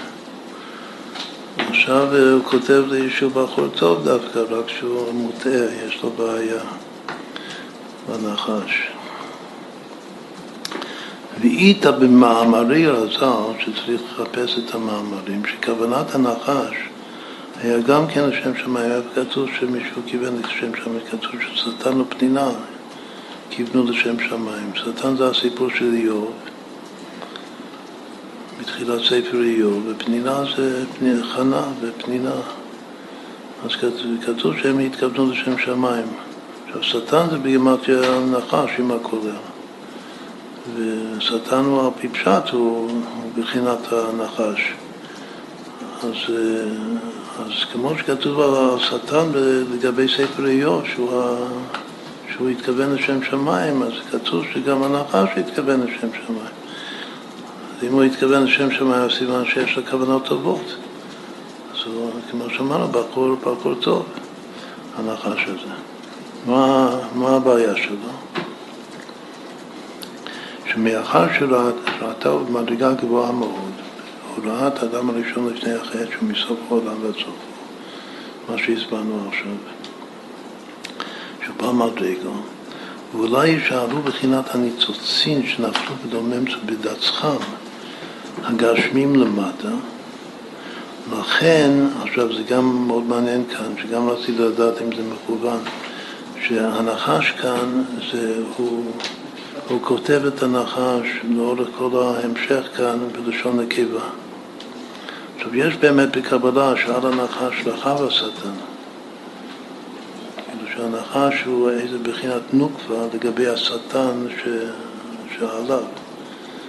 אז כאן הנחש זה, לשון זכר בעברית, כן.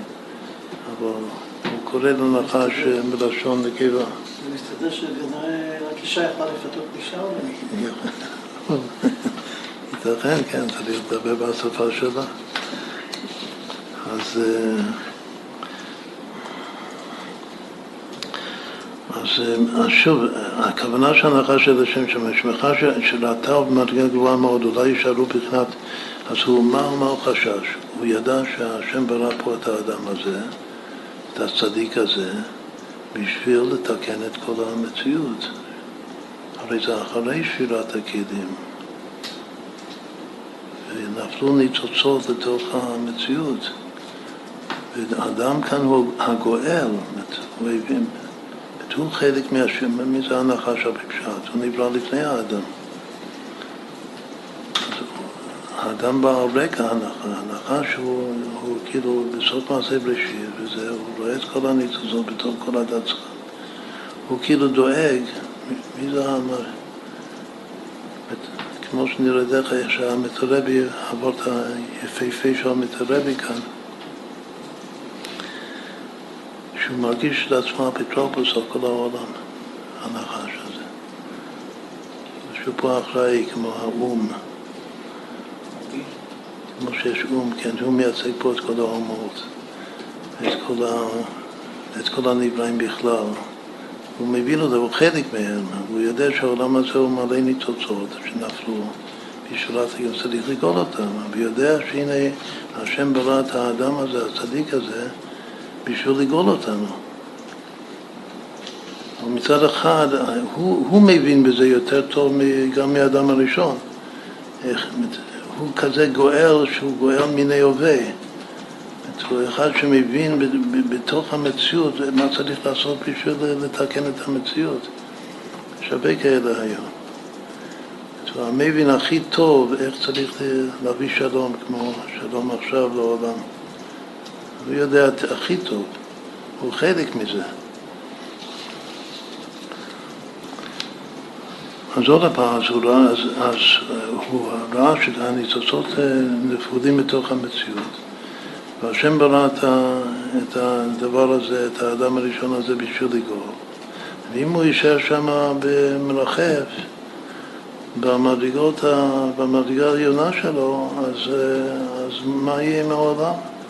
הוא, לא, יישאר בתוך גן עדן.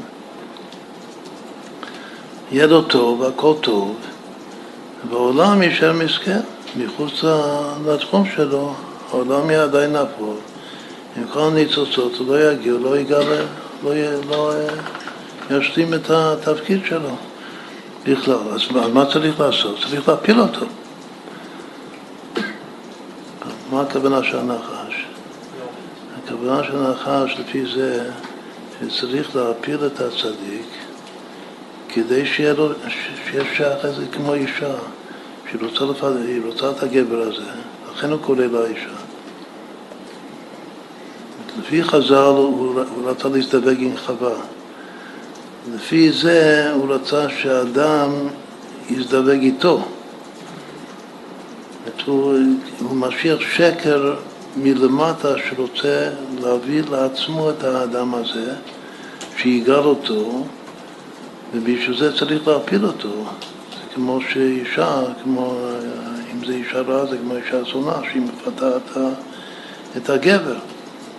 בשביל שהוא יבוא אליה. אז אולי יישארו, אבל כאן הכל זה לשם שמיים. בשביל לגאול את, ה, לגאול את הניצוצות שיש במציאות. אולי יישארו בחינת הניצוצים שנפלו בדומה בדצחם למטה. לכן היה כוונת, כוונתה של הנחש שירד למעלה, צריך להוריד כלומר להפיל את האדם הזה למטה, בכדי שיתלבש, שבעל כורחו הוא יתלבש בתוך המציאות, בתוך הניצוצות, והם לבררם בשביל לברר אותם, שזה לגאול אותם. לא, אז אם כן, אז הנחש הוא בסדר, אז הוא צדיק. בסדר גמור, אז לכן, אז לכן נשאלת השאלה, למה נענשה, נענשה על זה? למה הנחש הזאת נענשה? מאחר שכוונתה הייתה לשם שמיים. ויש לזה שני טעמים, שני, שני תירוצים. ראשון, אמרו בשם אדמו"ר נשמתו, כי זה מלומים, זה האדמו"ר האמצעי. זה מתאים לו, הדרך הלצה. גם הנכד שלו, הרבי המהר"ש, דיבר בדרך הלצה, כמה שהוא עמוק. אז רואים שגם האדמון האמצעי, הייתה לו גם את הבחינה הזאת. כשהוא אמר על דרך הלצה, שלמה היה לה, לנחש, לדאוג דרגת אחרים. עכשיו הסברנו שבעצם זה לא רק לדאוג, זה גם רצה לפתות שיבוא אליה, אבל איך שהוא הסביר את זה, שהסברנו את זה, הוא רצה לדאוג שהאדם הראשון יגאל את כל המציאות. בשביל להכריח אותו לרדת, לגאול את כל המציאות, אז לשם כך הנחש פיתה את, את האדם שייפול, בגלל שככה למעלה הוא אף פעם לא יגיע למציאות, הוא יישאר למעלה, בעננים. אז הוא אומר שמה הבעיה? למה הוא נענש? למה היא נענשה? למה היה לה לדאוג דאגת אחרים? איך אומרים את זה? ב... מה אכפת לה בדבר שלא נצטווה על זה? זה לא תפקיד שלה. אז זהו, זה שהיא עשתה את עצמה בעלת התפקיד, כאילו האחראית על כל המציאות, זה מה שאמרנו קודם, שבזה היא משיח שקר. שהיא האחראית על הכל, לדאוג לכולם. איך אומרים את הוורט הזה בלשון המדבר היום? למה לך להכניס את האף? כן. הביטוי היום זה למה להכניס את האף. איך, איך אנחנו יודעים שה... הנה, כולם שומרים, שומרים על האף. סגרו לכולם שלא יכניסו את האף. זה הכל תיקון הנחש גזמני. במיוחד יהודים צריך את זה, בגלל שיש להם מפים ארוכים. אז אה, למה להכניס? אז זה המתרבי אומר, שכל החטא של הנחש זה למה להכניס את האף לתוך, ה... לתוך דבר שזה לא, לא התפקיד שלך, לא העניין שלך. איך אני יודע שבאמת זה מכוון בשביל הנחש?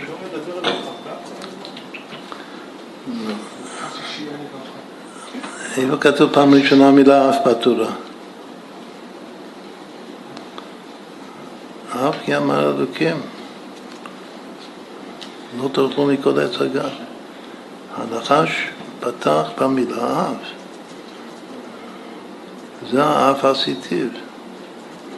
שצריך לתקן את האף, יש עוד שפתחו באף ונפלו, אבל האף המקורי, שהכל הולך על הפתיחה, זה המילה הראשונה, שהנחש, והנחש היה עלום מכל חי השדה שברא אלוקים, והיא אמרה אף. אז רואים משהו מפורש, משהו יפה, ואף לא יפה לפי הוורט הזה של המזר רבי, שכל הבעיה של הנחש, היא הכניסה את האף שלה לתוך דבר שלא שייך לה. ומזה השתפשר, אז כאילו זה כל החטאים שיש בעולם, כל הרע שיש בעולם, זה בגלל שבא מישהו מכניס את האף שלו. זה דבר שזה לא שייך לו. זה השורש של כל, ה... של כל החטא שיש בעולם. אף כי אמר אלוקים. אף עשיתיו. אז זה וורד של, של אדמו"ר, נשמתו בגזעים לומים. יש טעם שני, כי באמת, לפי הטעם הראשון זה מה לך, מה לך, למה להכניס את זה? לפי הטעם השני היא פשוט טעתה. לפי הטעם הראשון היא לא טעתה, הנחש. צדקה, רק מה, שזה לא העניין שלך. לפי הטעם השני היא טעתה. מה, מה הטעות? שהנחש חשב שאם האדם הראשון נשאר במדרגה שלו, מסוף העולם ועד סופו, הוא אף פעם לא ירד להתלבש בתוך המציאות בשביל לתקן את המציאות.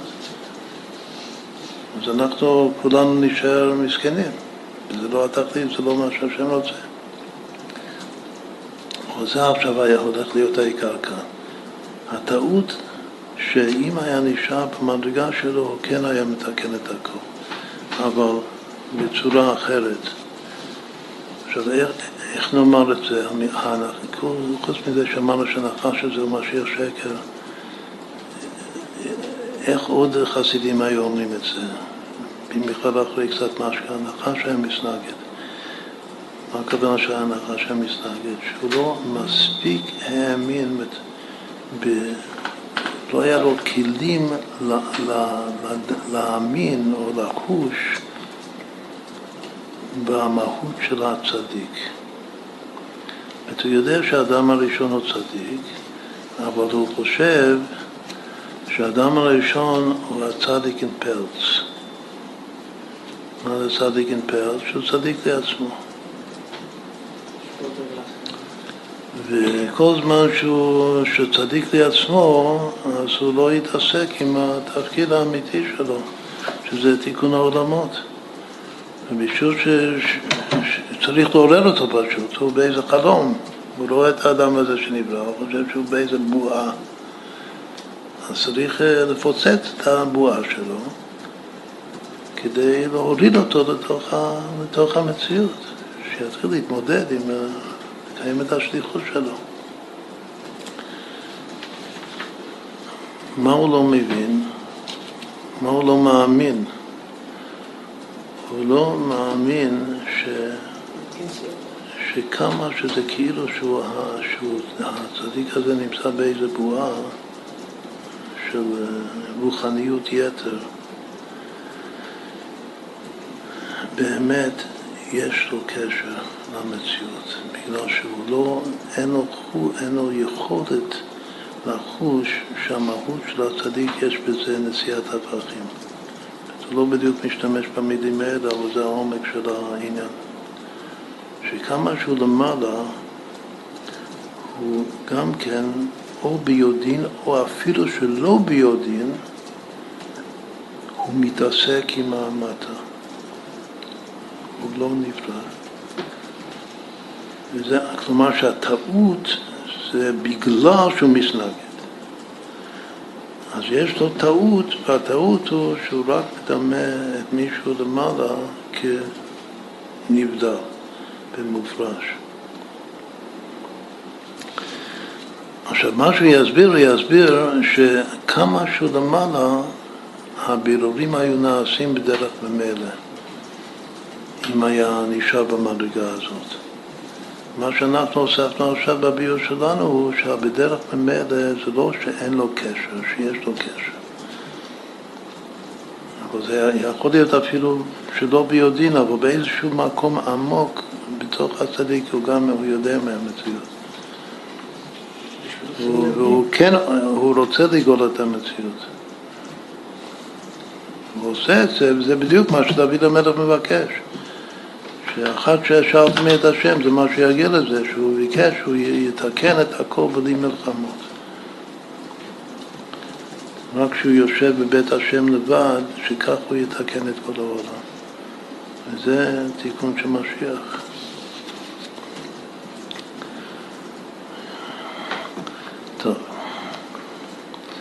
אז, עכשיו, אז אחרי שהוא אמר את הטעם הראשון, שזה דרך הלצה של המתרבי, אז הוא אומר טעם שני, כי באמת טעתה בזה, הנחש טעתה, כי אם לא היה נופל במדרגתו, לפי העצה של הנחש, והיה עומד במדרגתו הראשונה, היו העולמות מתבררים על האופן יותר נעלה. לא רק שהיה מתקן את העולם, היה מתקן את העולם יותר טוב מאשר לרדת ולהתלבש בתוך העולם. זה עוד יותר חידוש. והוא על ידי בחינת מה שכתוב ויניחר בגן עדן לעובדה לשם, הנחש לא נתן את ההזדמנות לקיים את, ה, את מה שהשם שם אותו שם. לא היה מספיק זמן בשביל שהאדם הראשון ידאג לגן. מה זה לדאג לגן? זה כמו הצדיק אצלנו, אותו צדיק שהוא לא, לא, לא, לא עוסק במציאות, אבל הוא רק אומר, אה, הוא רק דואג לגן שלו, הגן שלו זה, זה פה, מי שיושב בחלק, כאילו, רק מלמד חסידות. יש לו גן, יש לו כמה עצים יפים, טובים, נחמדים, הוא משקה אותם,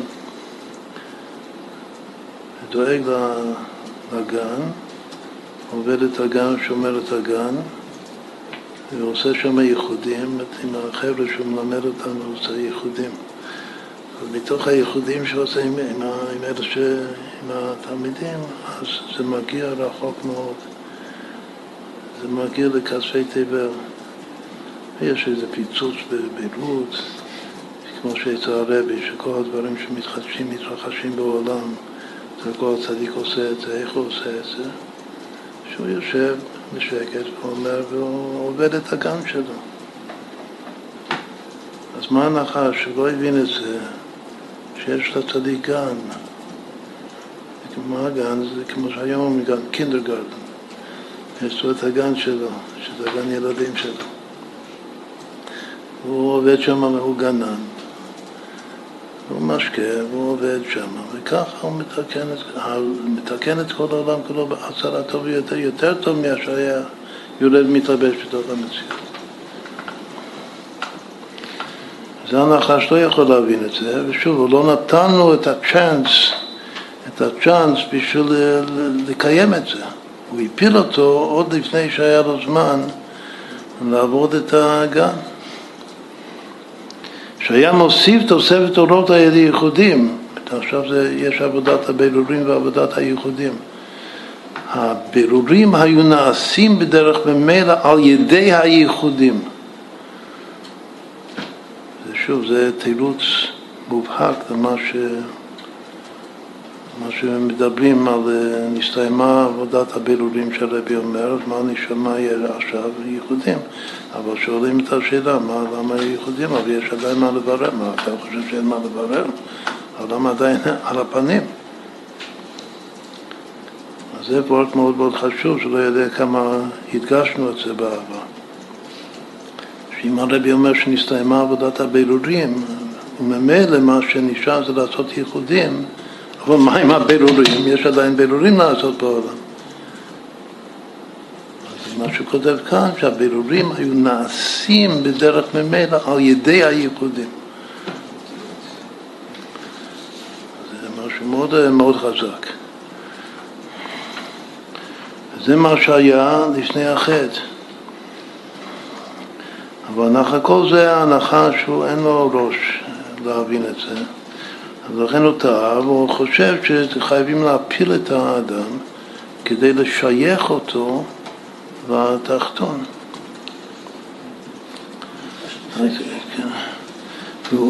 והוא, שוב, עוד פעם, כתוב ויניחי בגן עדן, שהם עושים תוספת אורות על ידי ייחודים בגן עדן, ממילא היה נמשך אלא כל ניצוצים שלמטה. כמו המשל של אבוקה גדולה, שאבוקה מושכת לעצמה כמו מגנט את כל הניצוצים. שמושכת אל כל הניצוצים, אך מחמת החטא נפל ממדרגתו, באמת הוא חטא, הנחש הצליח, והוא נפל מהמדרגה שלו. ועכשיו הוא הפך להיות דוד המלך, שכל החיים זה להילחם. ולא היה בכוחו להמשיך אליו. לכן, לכן חייבים לגרש אותו, ואין ברירה. באמת יש לו תפקיד לתקן את המציאות, ועכשיו הוא ירד מהמדרגה שלו, לא יכול לתקן את המציאות בתור כאן עדן. אז הדרך, המקום היחיד שיכול לתקן צריך לגרש אותו החוצה, להתלבש בתוך המציאות, בדיוק מה שהנחש רצה. אז הנחש הצליח מאה אחוז. ויגרש את האדם מגן עדן, שלא היה, זה לא עונש מה שהוא גירש, זה הכרח, הכרח המציאות, הכרח המציאות, שרק שהיה מוכרח להיות כך, להיות יכול לרד ולהתלבש למטה בכדי לברר הניצוצים. עכשיו, מה ההפרש בין אם אתה מברר בגן שלך בדרך ממילא, או שאתה צריך להתלבש, שזה ההבדל בין האדם הראשון לפני החטא בין דוד המלך, ההבדל בין מישהו בבחינת ראש למישהו בבחינת תוך. עכשיו יש לנו עוד פירוש יפה מאוד, מה זה תוך? תוך, את כל האנשים התוכים, שזה הדוד המלך, אתה צריך להיכנס לתוך, ה, לתוך הביצה. אתה צריך להיות בתוך העניין. אנשי תוך הם חייבים להיות בתוך. אם אתה לא בתוכו, זה בדיוק מה שהנחש אומר, אתה לא בתוכי, אתה לא בתוך העולם, מה אתה עושה? אז הוא הפך אותו מראש, עוד קודם היה ראש של העולם, הוא הפך אותו מראש להיות תוך. וזה באמת מה, מה שקרה. אז מה ההבדל של הבירורים שנעשים שאתה תוך לבין הבירורים שנעשים שאתה ראש? וההפרש בין שני, שתי בחינות אלו נזכרים לעיל יובן ממלך בשר ודם, זה גם משל ידוע שאנו רואים שבאם המלך גדול, אם זה מלך מאוד מאוד גדול, והכל יראים מלפניו, עכשיו זה גם חשוב מאוד שלהיות גדול, מלך, להיות גדול מאוד זה שכולם יראים, כמו בריאה יש מאין שהזמנו קודם. לכן ממילא אויביו נכנעים לפניו. הוא לא צריך להתעסק איתם בכלל. ואינו צריך כלל ללך. יש בבירורים שני דברים, יש את האסור מרע ויש את העשה טוב. קודם דיברנו יותר על העשה טוב, של להוציא את הניצוץ הקדוש.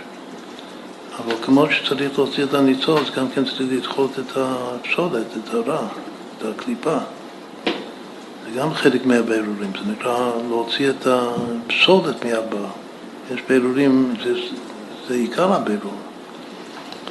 זה להילחם, אז לא, מישהו מלך גדול מאוד, הוא כבר לא צריך להילחם יותר, בגלל שכולם נכנעים מלפניו.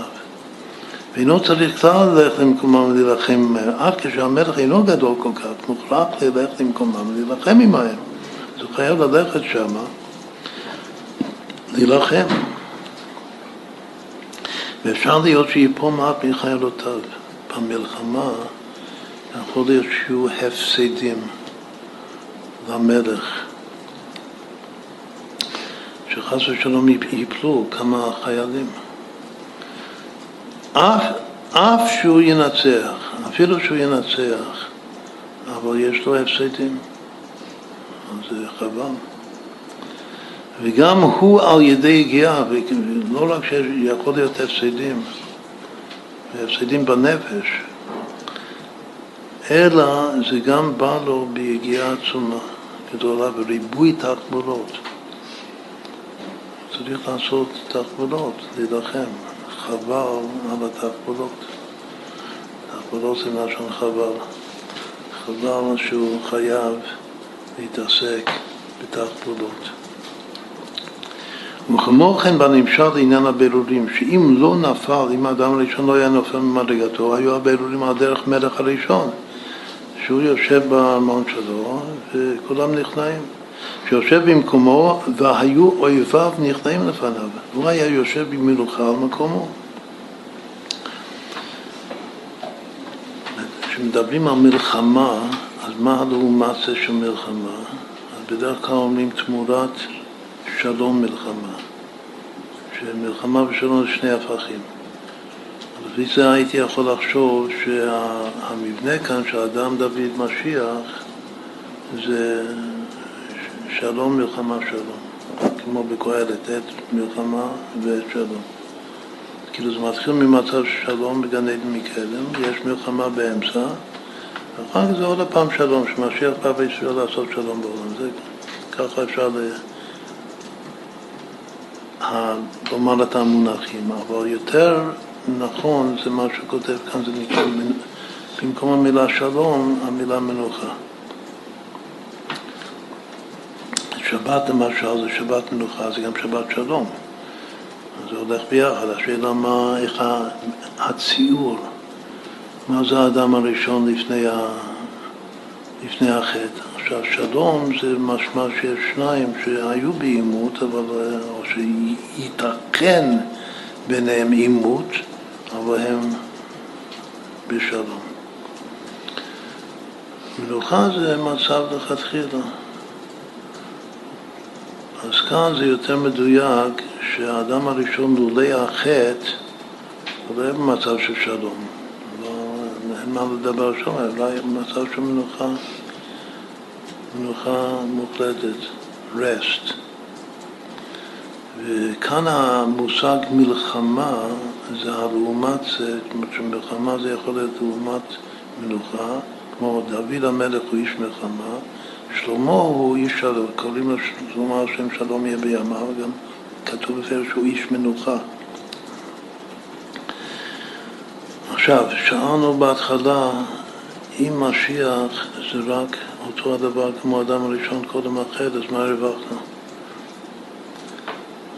עכשיו יש לנו עוד, עוד, אה, עוד וורט מהפסוק שהוא תכף יביא, המלוכה, אם זה מלוכה, מלחמה מלוכה, ראש תוך סוף. הכל היה מן העפר, כל שווה העפר, כאן עפר, מה הדבר שהוא הכי נח, לא שהוא הכי בשלום.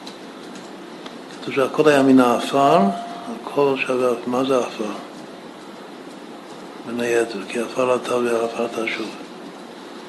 עפר זה נח.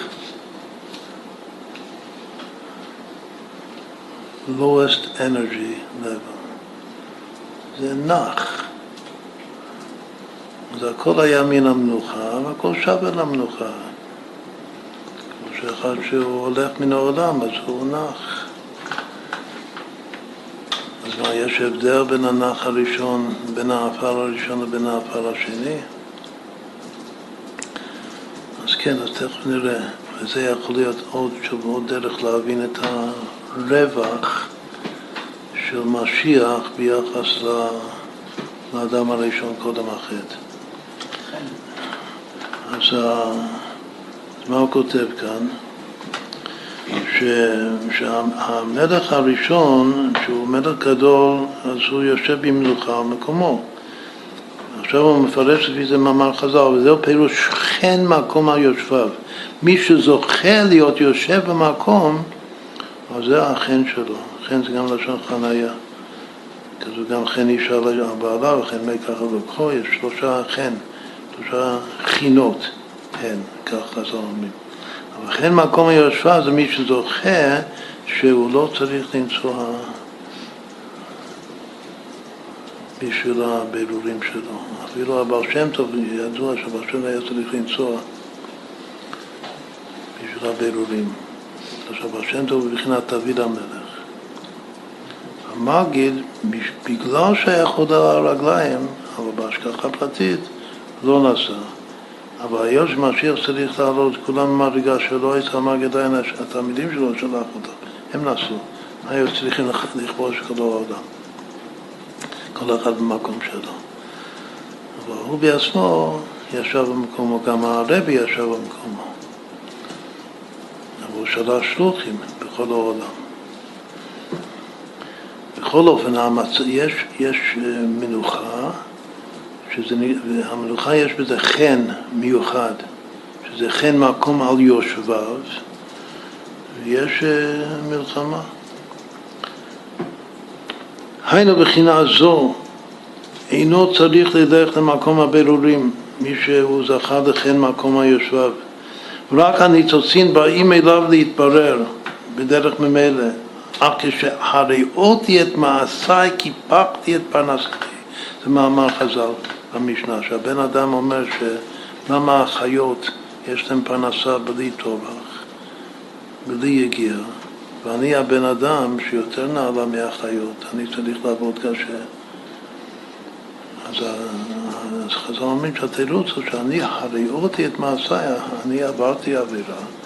לכן קיפחתי את הפרנסה שלי, ולכן עכשיו בשביל להתפרנס אני צריך לעבוד קשה.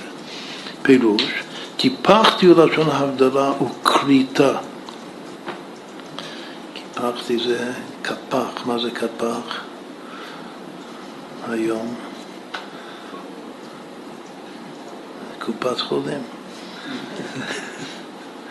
אז אה, קיפחתי, הראיתי את מעשיי, ועכשיו צריך ללכת אה, קיפחתי את פרנסתי, אומר שזה לשון הבדלה וכריתה, בין בחינת המברר ובין בחינת המתברר, שהם ברחוק ממנו, צריך להתרחק, למדוד, להגיע אליהם, צריך ללכת למקומם, אומר לא ימלא עכשיו, זה הבורד.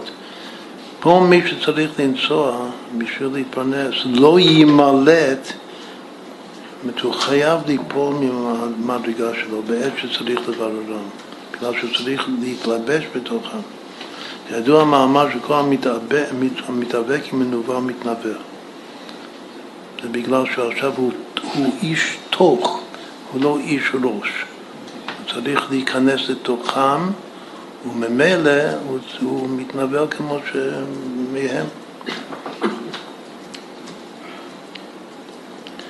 וכל זה הוא היה מדרגת האדם הראשון שאכל החטא, שזה דוד. וזהו גם כן היה מדרגת דוד המלך עליו השלום. לפי זה היה צריך כל ימיו למלחמה. לכן דוד זה טיפוס שכל החיים הוא צריך להילחם. שבעצם זה הבינוני, מה אמרנו בהתחלה, זה הבינוני של התניא. ואף שהיה מנצחן, אבל היו לו הפסדים. והייתה לו יגיעה, והייתה לו תקבולה, כל הדברים הבלתי רצויים. מכל מקום יותר טוב היה באם לא היה צריך ללחום כלל, כנזכר לאל, אך מדרגת משיח יש שיתעלו, עכשיו, עכשיו זה מרגיש את האילוץ הראשון. לא, לא, מדרגת משיח זה לא הוא עצמו. מדרגת משיח שיתעלו כל נשמות ישראל אומר את זה בפירוש, למדרגת האדם הראשון שקודם החטא. ואז הוא יכול להיות משיח, הוא יכול להגיע רחוק, יכול להגיע לקדמון נצחי, לאן שהוא, ליחידה שלמעלה מהחיה. לכן כתיב משיח והיה עכשיו, זה הפסוק. עוד הפעם מנוחה, לא שלום, אבל זה פסוק אחר, והייתה מנוחתו כבוד. איפה כתוב הפסוק הזה? זה בישעיהו בפרק י"א. איזה משיח. זה הפסוק שבא אחרי כי מלא הארץ דיית השם כמים בני המכסים. הפסוק שהרם מסיים את המשנה תורה, כי מלא הארץ דיית השם כמים בני המכסים, מה כתוב אחר כך?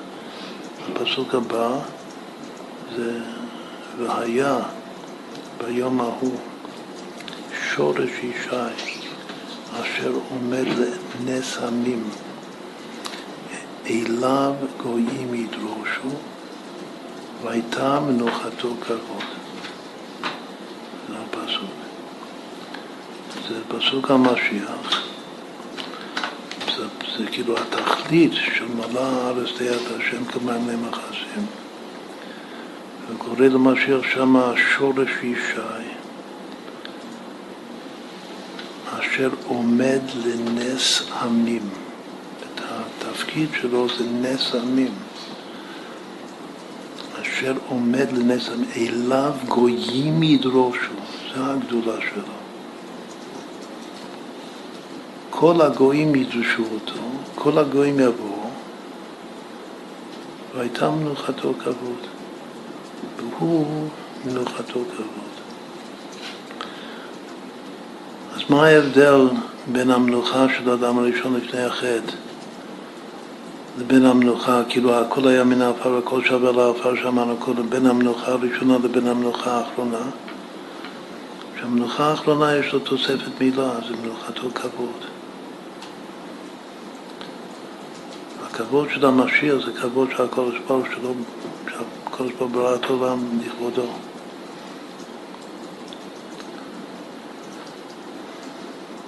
לכן המלך שמחר כבוד אין כבודו מחו, בגלל שלא כבוד שלו.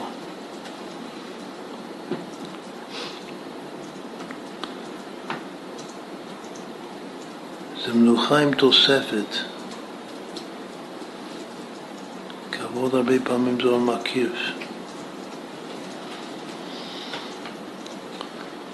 אז אצל ה... יש מנוחה, בהתחלה הראש הוא מנוחה, התוך הוא מלחמה, הוא איש מלחמה, והסוף זה והייתה מנוחתו כבוד, שורש ישי, אשר עומד לנס עמים. אליו גויים ידרושו. יש הרבה רמזים יפהפים בפסוק הזה שנשאיר אותם. והיינו שלא יצטרך ללחום עם הניצוצין כנזכר לעיל, וזהו בחינת מנוחה, והוא מדגיש את זה. זה לא סתם מנוחה, זה מנוחה וכבוד הנזכר לעיל.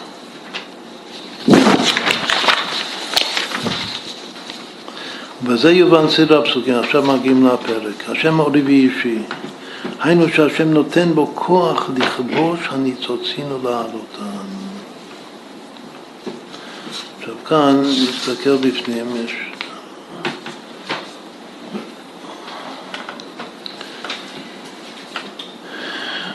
אורי ואישי שווה אורות, שווה תרי"ג. היוד של אורי וכל המילה ואישי ביחד זה ו' ת'. כלומר שהיוד פלוס אישי זה תו. אומר אורי ואישי זה אורות, ואורות שווה תרי"ג. זה כבר ביטוי מאוד מאוד חשוב, שתרי"ג זה אורי ואישי. אבל אם עושים את זה במספר סידורי, אורי שווה ל"ז, 37, ואישי שווה סג. ל"ז זה החלק המילוי של סג, וידוע שהחלק המילוי של סג, שזה ל"ז, ביחד עם שם סג, שזה השפירה והתיקון, זה ביחד שלמות של מאה. ומה זה מאה? זה כלים. אז יש פה ממש אה, דבר יוצא מן הכלל, רמז. שבמספר רגיל אורי ואישי זה אורות, ובמספר סידורי זה שווה כלים במספר הכרחי. תרי"ג ומאה. והמאה מחולק בדיוק לפי הכוונה בכתבי אריזו של ל"ז וסג. אחר כתוב השם מעוז חיי, מי אפחד.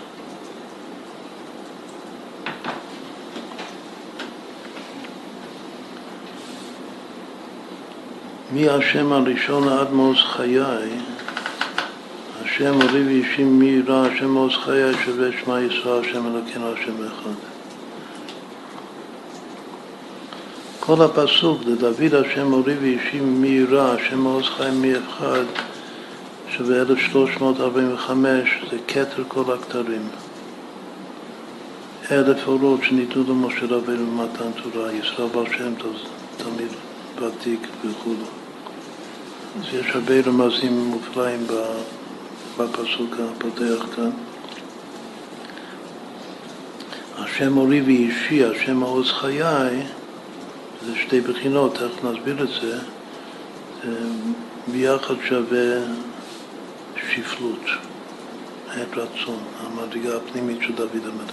השם אורי ואישי, השם מעוז חיי. שפלות זה עת רצון, זה שמונה פעמים, אבל זה, זה שהערך המוסר של כל מילה זה צמח, יש לו שישה צירופים, השם אורי ואישי, השם מעוז חיי. אורי ואישי זה אור, מעוז חיי זה כוח. למה הנחש רוצה שהאדם הראשון יהיה איש מלחמה? בגלל שהוא אוהב יותר מלחמות משלום, אלא איזה, איזה, מה הוא הולך לקולנוע? הנחש, הוא, הוא כל ערב הולך לקולנוע. איזה סרטים הוא אוהב לראות? רק מלחמות. לא אוהב סרטים של שלום, זה לא מעניין אותו בכלל. אז למה? בגלל שכל חי מתנועע. הנחש אומר ש... שמנוחה זה מה? זה סתם, זה מוות. מה זה מנוחה?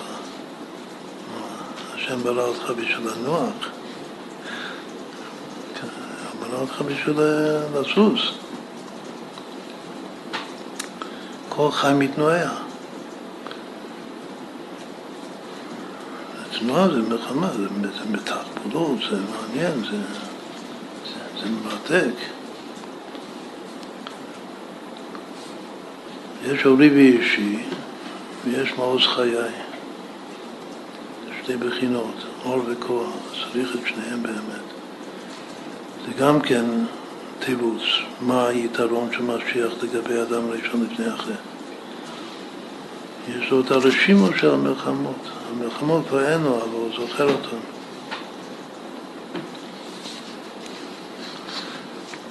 עדיין יש לו את החיוס של, ה... של המלחמות שהיו לו. אז הוא יכול גם כן להתענג על מנוחת כבוד שהוא זוכה בסוף, והייתה מנוחתו כבוד. בכל אופן, השם מורי ואישי, היינו שהשם נותן בו כוח לכבוש הניצוצים ולהעלותן, אבל בדרך מלחמה, לכבוש הניצוצים, לא כמו אבוקר, לא כמו המלך הגדול. אז קודם הוא אומר שהשם מורי ואישי, שהשם נותן לי כוח לנצח במלחמה. לכן בקרוב עליי מלכן, שיש לי אויבים, בקרוב עליי מרעים, אם תחנה עליי מחנה לא יירא לי, והיינו בחינת הקליפות, כאן שוב צריך להוציא את הפסיק, היינו בחינת הקליפות שהם לעומת בחינת מוחין דקדושה. יש הפסוק זה, שוב, נקרא בפנים, הפסוק, פסוק ב', בקרוב עליי מרעים לא, פסוק ג' אם תחנה עלי מחנה לא יירא ליבי, אם תקום עלי מלחמה בזאת אני בוטח. מה ההבדל בין תחנה עלי מחנה לבין תקום עלי מלחמה? מלחמה זה עוד יותר ממחנה מחנה, שיש פה, פה מחנה של אויב, זה איום של מלחמה. אבל מלחמה זה כבר מלחמה ממש. בפועל, מה ההבדל? אומר שהמחנה כאן זה המוחין של האויב, זה מלחמת מוחות, והמלחמה ממש זה המידות של האויב. יש את השכל של האויב ויש את המידות של זה כוונה מאוד יפה של פסוק ג' אז היא אומרת כנגד המוחין של האויב, שזה אם תחנה עליי מחנה, לא יירא ליבי. שזה הקליפות שבבחינת המוחין, שלעומת המוחין של הקדושה. ואם תקום עליי מלחמה, זה בחינת הקליפות שלעומת המידות של הקדושה. בזאת אני בוטח, אז על פי פשט, מה שהוא בעצמו מסביר, בזאת אני בוטח זה הולך על המידות. אבל הוא אומר שבזאת אני בוטח בעצם זה הולך על הכל.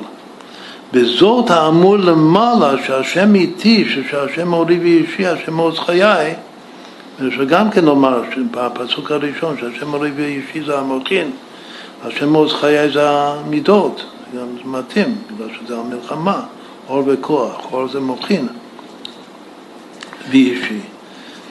בכל אופן הוא אומר שהסך הכל הוא בזאת אני בוטח, זה גם גמרתי מאוד יפה, זאת זה מלכות. בזאת יבוא אהרון. וכל הביטוי הזה, בזאת אני בוטח, שווה בדיוק מלכות. בזאת אני בוטח, שווה מלכות. אבל עוד יותר, אמרנו שיש שני, בהתחלה יש שני ביטויים, השם מורי ואישי, השם מעוז חיי. אמרנו שביחד זה שפלות. כמה זה שווה שפלות, נחלק את זה לשתיים, הממוצע של שני הביטויים. הממוצע זה זאת. מה זה ביזה זה פעמיים זאת. את כל אחד זה זאת. השם מורי ואישי זה זאת אחת, השם מעוז חי זה זאת שני. ובזאת אני מבטח זה מה שכותב כאן, שזה, ש... מה זה בזאת הזה על פי פשט? שהשם איתי. דוד המלך כל הזמן מה, שמחזיק אותו, מה שמחזק אותו, זה הבזאת שהשם מורי ואישי, השם מעוז חיי, בזאת אני בוטח. זה המלכות שלו. הפנימיות של המלכות זה הרבה פעמים זאת שווה שפלות, בגלל שפלות זה פנימיות המלכות. וכמאמר אלמלא הקדוש ברוך הוא זרוע לא יכול לו. בזאת אני בוטר, יש רק השם יכול לעזור לי. זה הראש של דוד, ממך הכל, מידך נתנו לך, רק השם יכול לעזור לי. וכך הוא יוצא ויוזם ולוחם במלחמות וכובש את כל העולם. באמת באמצע, כמו שהסברנו בהתחלה. אם זה דוד.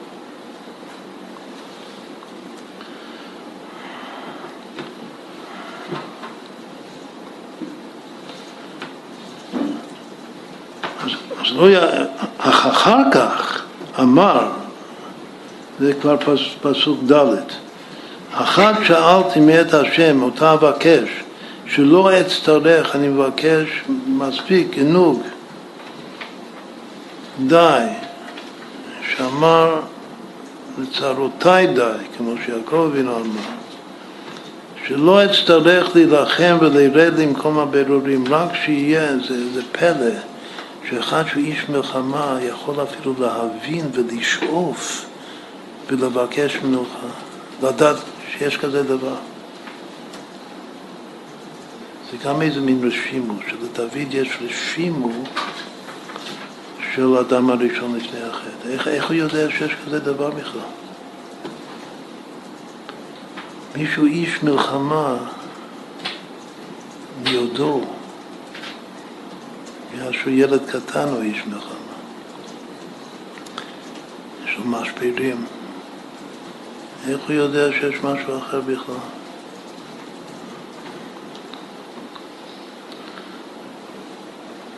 כשקוראים את הפסוק הזה אפילו לפני שלמדנו את המאמר, זה חידוש. דוד המלך מבקש, ואחת שאלתם את השם, זה השם, מה זה, מה, זה שייך לדוד המלך לבקש בקשה כזאת? מה זה מתאים לו? אז מה תמיד חשבתי, לפני שקראתי פה את המאמר, טוב, שהוא, אה, כמו שהוא איש מלחמה, הוא גם כן נעים שמירות ישראל, אוהב לנגן. אז במקום לעשות עסקים, רוצה, אה, יש, אני, יש לי אופן הקלטות, וזה לשבת בבית השם, לחזור בנועם השם, לשיר, זה גם עסק, זה גם, אה, הוא, מבין בזה. לא להילחם, לנגן. אבל ככה זה, זה קשה, מה, מה זה מגיע לדוד המלך, אחת שאלתם את השם. שוב, צריך לומר שדוד המלך יש לו, יש לו חוש, חוש, גם חוש באדם הראשון, הוא באמצע. הוא זוכר קצת את האדם הראשון לפני החטא, ויש לו גם חוש משיח שבסוף. שזה אליו גויים ידרושו. כמו שהוא לוחם נגד הגויים והורג אותם, ובגלל זה הוא לא יכול לבנות בית המקדש, בגלל שהידיים שלו מלא אותם. אז זה גם חשוב מאוד לדעת שדוד המלך בלב הוא היה מעדיף לא להרוג גויים, אלא שכולם יבואו וידרשו את השם. אשר עומד, מה זה עומד? הוא מוכן. הפסוק אומר, שורש ישי אשר עומד לנס עמים. מה זה אשר עומד? עומד הכוונה שלזה הוא מוכן ומזומן. הוא עומד לזה, הוא עומד לנס עמים, הוא רוצה להיות לנס עמים. אליו גויים ידרוש, הוא רוצה שהגויים יבואו וידרשו ללמוד תורה, לקבל תורה ממנו. הוא לא רוצה להרוג אותם.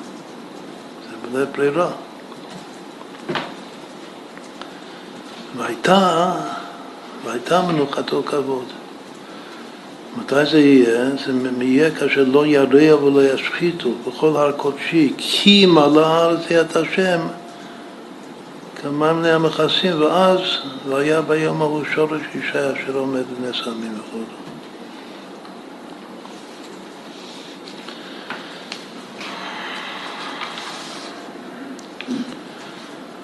שוב, אז מה היה עבור כאן? שיש לדוד המלך שזה חידוש שבכלל הוא מבקש כזה בקשה.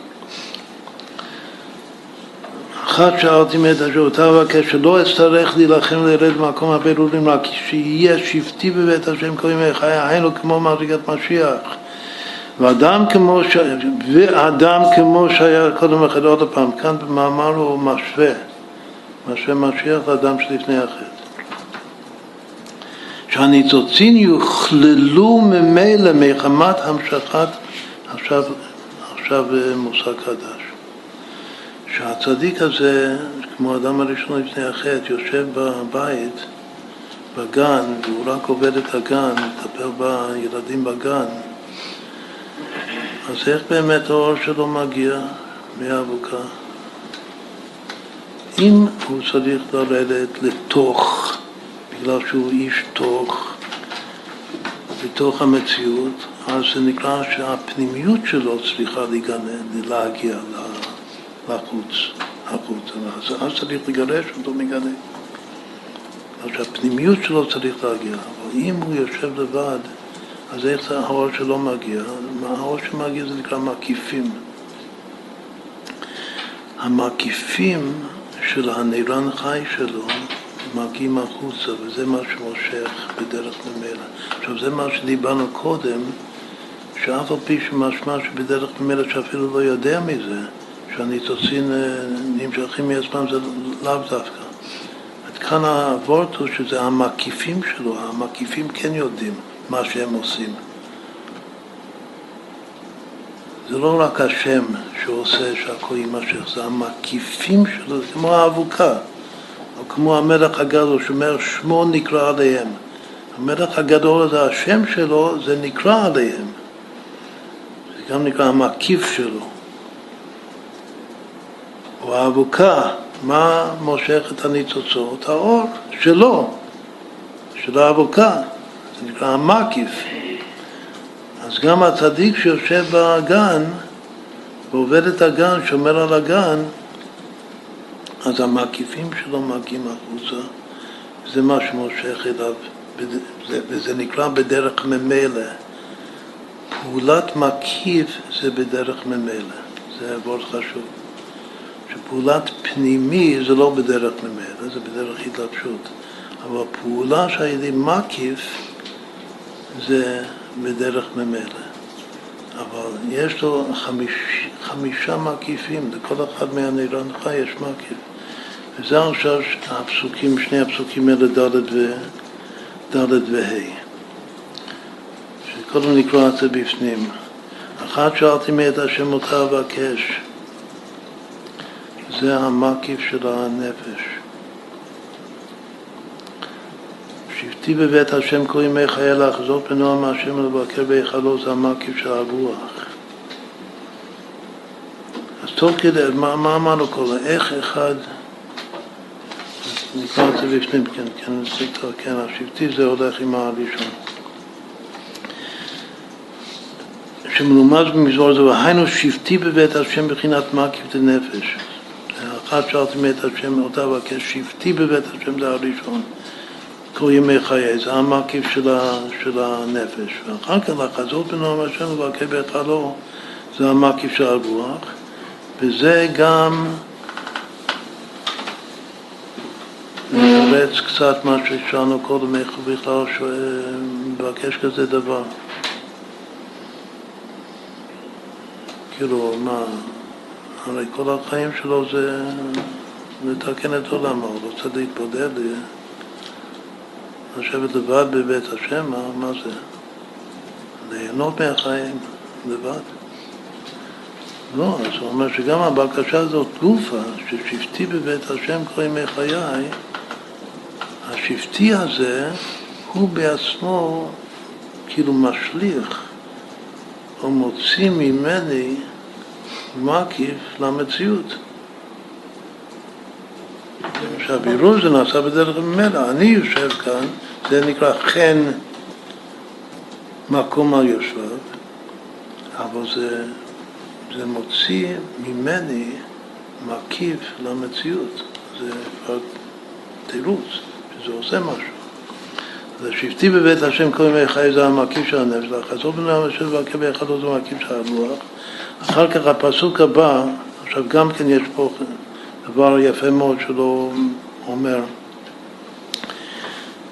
שלפי האריזל הנפש רוח זה האות הכי חשובה בחסי דוד עין ו'. כשאדם נולד בנפש רוח והנכי זה תוספת, אז ככה זה החלוקה לפי ההסבר שלו כאן של שני הפסוקים לגבי המקיפים דווקא. לפעמים כתוב בזוהר שהאדם נולד רק עם נפש. אם הוא זוכה יותר, אז הוא מקבל רוח. זוכה יותר, מקבל, אז יכולה זו סתירה. עוד פעם, יש מקום אחד שכתוב שאתה נולד עם נפש, וכל אחד זה תוספת, גם הרוח. יש מקום שכתוב שאתה נולד נפש רוח עם נר, והתוספת זה נכי, נשמה חי יחידה, איך אפשר להסביר? ויש פה תירוץ אפשרי שה, שמצד הפנימיים אתה נולד רק עם נפש. וצריך להוסיף, זה, זה נקרא זכות, מה זה זכות? זה להמשיך עוד פנימי. אם אתה זוכה יותר אז הרוח וכך. אבל במקיפים הנפש רוח זה ניתן ביחד. והתוספת זה נשמה חיה יחידה, וזה כמו החלוקה כאן של הפסוקים. שהפסוק ה' זה כבר, יש פה שלוש בחינות בתוך הפסוק. כנגד המקיף של הנשמה, כי יצפננו וסוכו ויום רעה. וגם כן יש פה איזה אי דיוק בפיסוק כאן במאמר. הביום רעה זו, על פי, פי התחביר של הפסוק, זה הולך ביחד עם יצפנני בסוכו. כי יצפנני בסוכו ויום רעה זה הנשמה, הוא מביא לזה ראייה. יסתירנו וסתר אוהלו זה החיה, שזה נקרא סתר. יושב בסתר עליון, למדנו מרב לייבק, שעוד מעט היארצייט שלו, שסתר עליון זה ייחוד אבא ואמא, זה החיה כאן. ואחר כך המדרגה הכי גבוהה, שזה המקיף שהיחידה, זה נקרא בצור ירוממני. אז אם כן, שני הפסוקים ד' וה' זה חמישה מקיפים אדם יושב בבית והוא מוציא חמישה מקיפים למציאות ואז כל הניצוצות נמשכים אליו בדרך ממילא ואחר כך בפסוק ו' ואתה עכשיו, אם, אם זה הולך לי, זה מתקיים אצלי, אז אתה ירום להושיע על אויביי סביבותיי ואעזבך ועולו זבחי תרועה. עד כאן. אז, אז כל הבירורים ייעשו מעצמם והכל יהיה בסדר.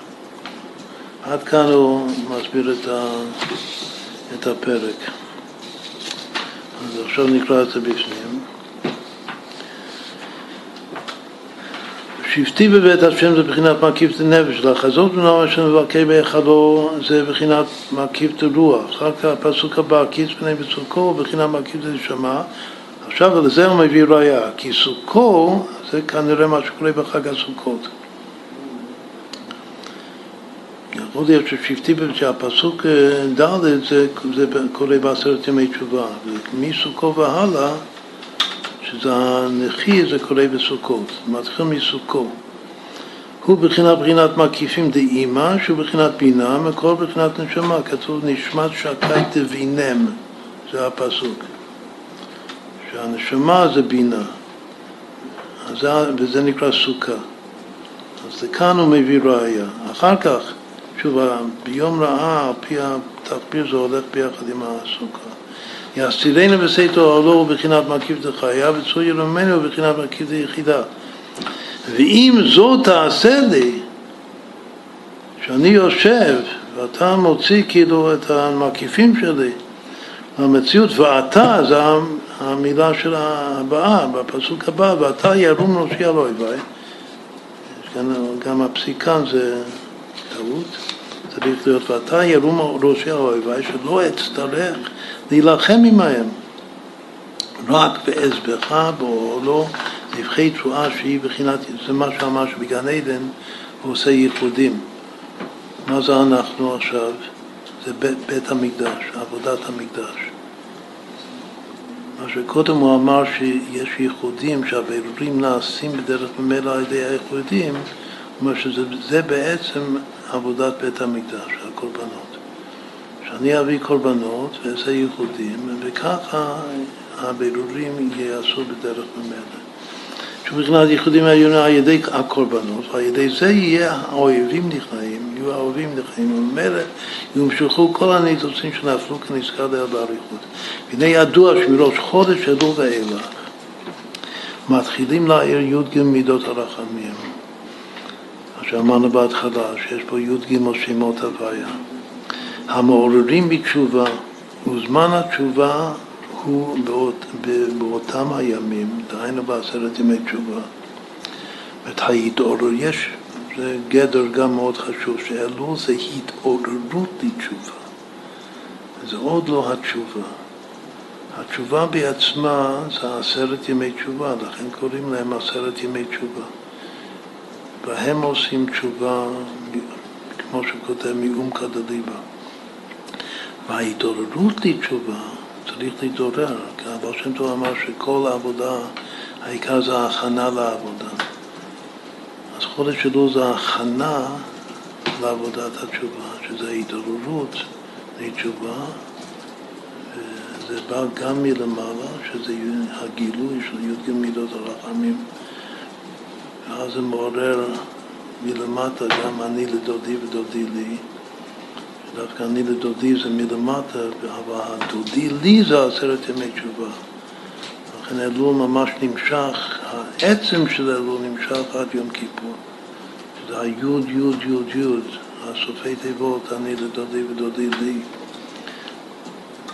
אז כתוב שכל הדודי לי זה עשרת ימי תשובה. בתוך הרמז של יוד יוד יוד יוד זה היוד האחרונה של הלי, אבל המילה לי בעצמו זה ארבעים, זה כולל את הכל. בכל אופן, זה האלול ועשרת ימי תשובה. ההתעוררות לתשובה והתשובה בעצמה. על ידי תשובתם מעומקא דליבה בעשרת ימי תשובה מעוררים לבחינת מהותו ועצמותו, שזה הלי, הדודי לי. ואחר כך, בשבעת ימי הסוכות, נמשך מלמעלה. הוא מאיר בבחינת מקיף. זה מעניין. מה שאנחנו מעוררים, הדודי לי, הפשט של דודי לי הייתי חושב שזה כבר לא נמשך אליי ומסתבק איתי כמו הפשט של אני ודודי ודודי לי אבל כאן כמו שאמר שבאלול אנחנו מתעוררים ואנחנו עושים את התשובה בעשרת ימי תשובה משמע שעושים את עצם התשובה מעומקא דליבה בעשרת ימי תשובה זה מעורר את המהות לבוא אליי אבל הוא לא, עוד לא בא. יש לעורר את עצמותו יתברך, זה בעשרת ימי תשובה, ואחר כך גם הוא, שהשם יורד, קודם המקיף יורד, או יורד, האור שלו, או יורד בדרך מקיף, ואחר כך יורד בפנימיות. זה יורד בדרך מקיף בסוכות, שזה המקיף של הסוכה, בפנימיות זה נכנס ממש, וזה הזיווג. זה הכוונה, שעיקר הזיווג זה תפילת הגשם בשמיני עצרת.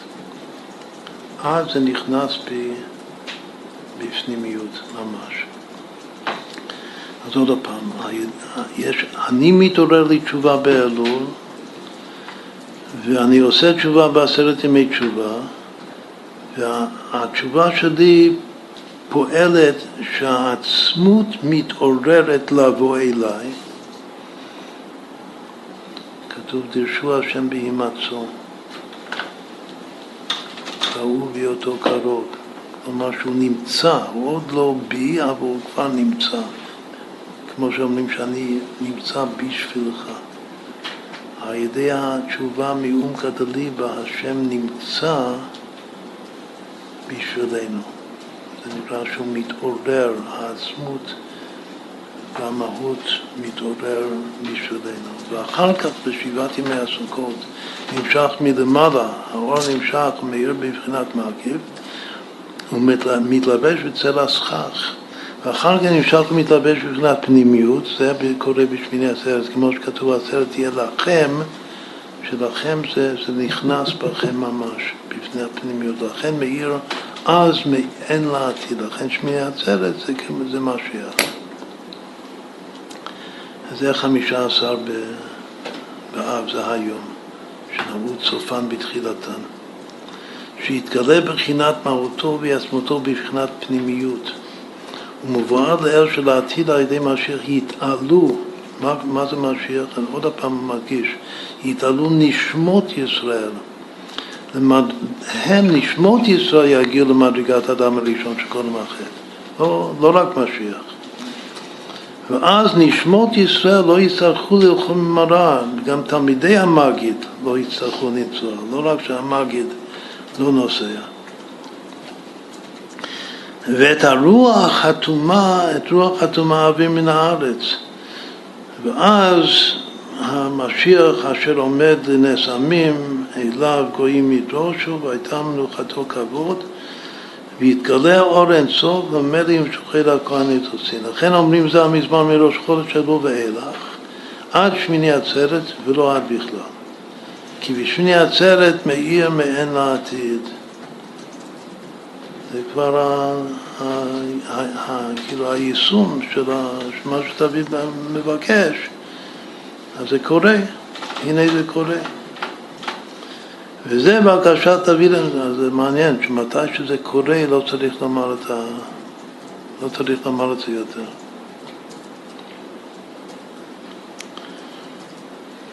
אומרים משהו רק בשביל שזה יקרה, יקרה. לא כאשר זה קורה. וזה בקשת דוד המלך עליו השלום, שיתגלה הערה דלעתיד. דוד מבקש כאן שהעתיד יתגלה כבר, שלא יהיו צריכים לרחום עם הרע, כנזכר לאל. שוב, לא יהיו סרטים בשביל הנחש לצפות בהם, נעבך. אז באמת צריך למצוא לו איזה תעסוקה אחרת. אז כנראה שהטבע שלו ישתנה. שבמקום uh, סרטי מלחמה, אז הוא יעשה גימטריות. יהיה מבסוט. אותו הדבר, ויותר. כאן נזכר דייר, ולכן אומרים זה המזמור, עד שמיני עצרת, ולא עד בכלל, כי בשמיני עצרת מאיר בחינה זאת. מתי שזה מאיר לא אומרים את זה יותר. לכן אין צריכים לומר אותו בשמיני עצרת וכו', די למבין, צדיק.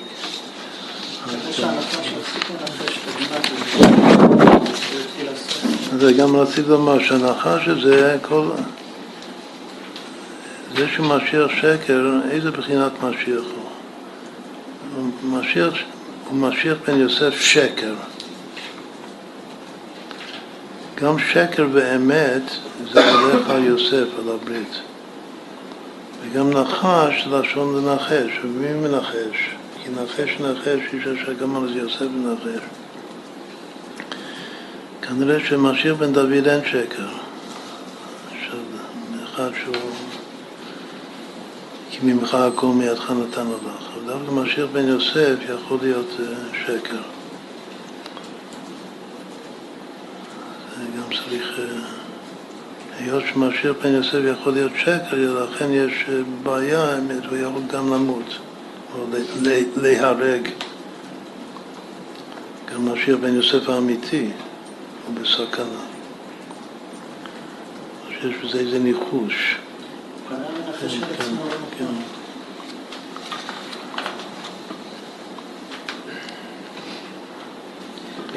כשדוד המלך בהסבר הזה, השאיפה שלו שהוא רוצה להיות באמת השם, להשתמש במקיפים רחוקים, זה כאילו, הוא יודע שהראש שלו זה רק מלחמה, אז אפשר לומר שזה כמו מקיפים שיילחמו בשבילו. כמו שהיום יש בעצם כל המלחמה הזו עם מקיפים. זה כבר לא מלחמה עם חרב. כן, מלחמה וירטואלית. בסדר, אז... הוא יושב בבית, אתה בעצם... כן, זה עד שזה, עד שהתיקון נעשה, שזה כבר... שהכל נמשך, אז לא חתומה ומן הארץ. אז באמת זה ימים אשר אין לי בהם חפץ. זה האבות ש, ש, שמה זה מעניין בלי מלחמה, מה זה חיים בלי מלחמה. אז זה כתוב שימות המשיח זה ימים אשר אין לי בהם חפץ. גם אפשר להבין לפי זה למה לא כולם אומרים שהעולם נברא בשביל משיח, מה שהסוגיה האחרונה שלמדנו. שרב אומר שאת רב, מה הרב אומר? שרב אומר שהעולם נברא בשביל דוד. לפי מה שלמדנו עכשיו, בשביל דוד, בשביל מלחמות, בשביל עבודת הבינוני. בשיעור האחרון שמודפס כאן בנפלאות, אז כתוב שדת רב זה הבעל תשובו. הוא אמר שבתניא, בחלק הראשון של תניא אין, אין בעל תשובה. זה איגרת התשובה, זה משהו בפני עצמו. יש רק צדיק ובינוני. אז, אז רב אומר, זה כמו כשאלת רבי יסבור ככה, שהעולם נברא בשביל הבינוני, שזה הלוחם. זה דוד, מה שלמדנו כאן. ושמו שאומר שהעולם נברא בשביל, בשביל משה, זה הצדיק.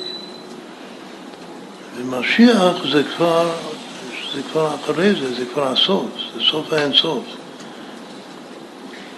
פרדוקס, כאילו זה, זה דוד שזוכה להגשים את החפץ הפנימי שלו שאחת שאלתם את השם, שזה לא, לכאורה זה לא מתאים לדוד מה שאמר, זה, זה כבר משיח. אבל יש מי שאומר למה לא כולם סובלים משיח? בגלל שכתוב ימים אשר אין לי בהם חפץ. מה זה מעניין? בלי ספר של בינוני, מה זה מעניין בליטניה? פעם שיבוא משיח אז לא יהיה, לא ילמדו תניא יותר. זה לא יכול להיות.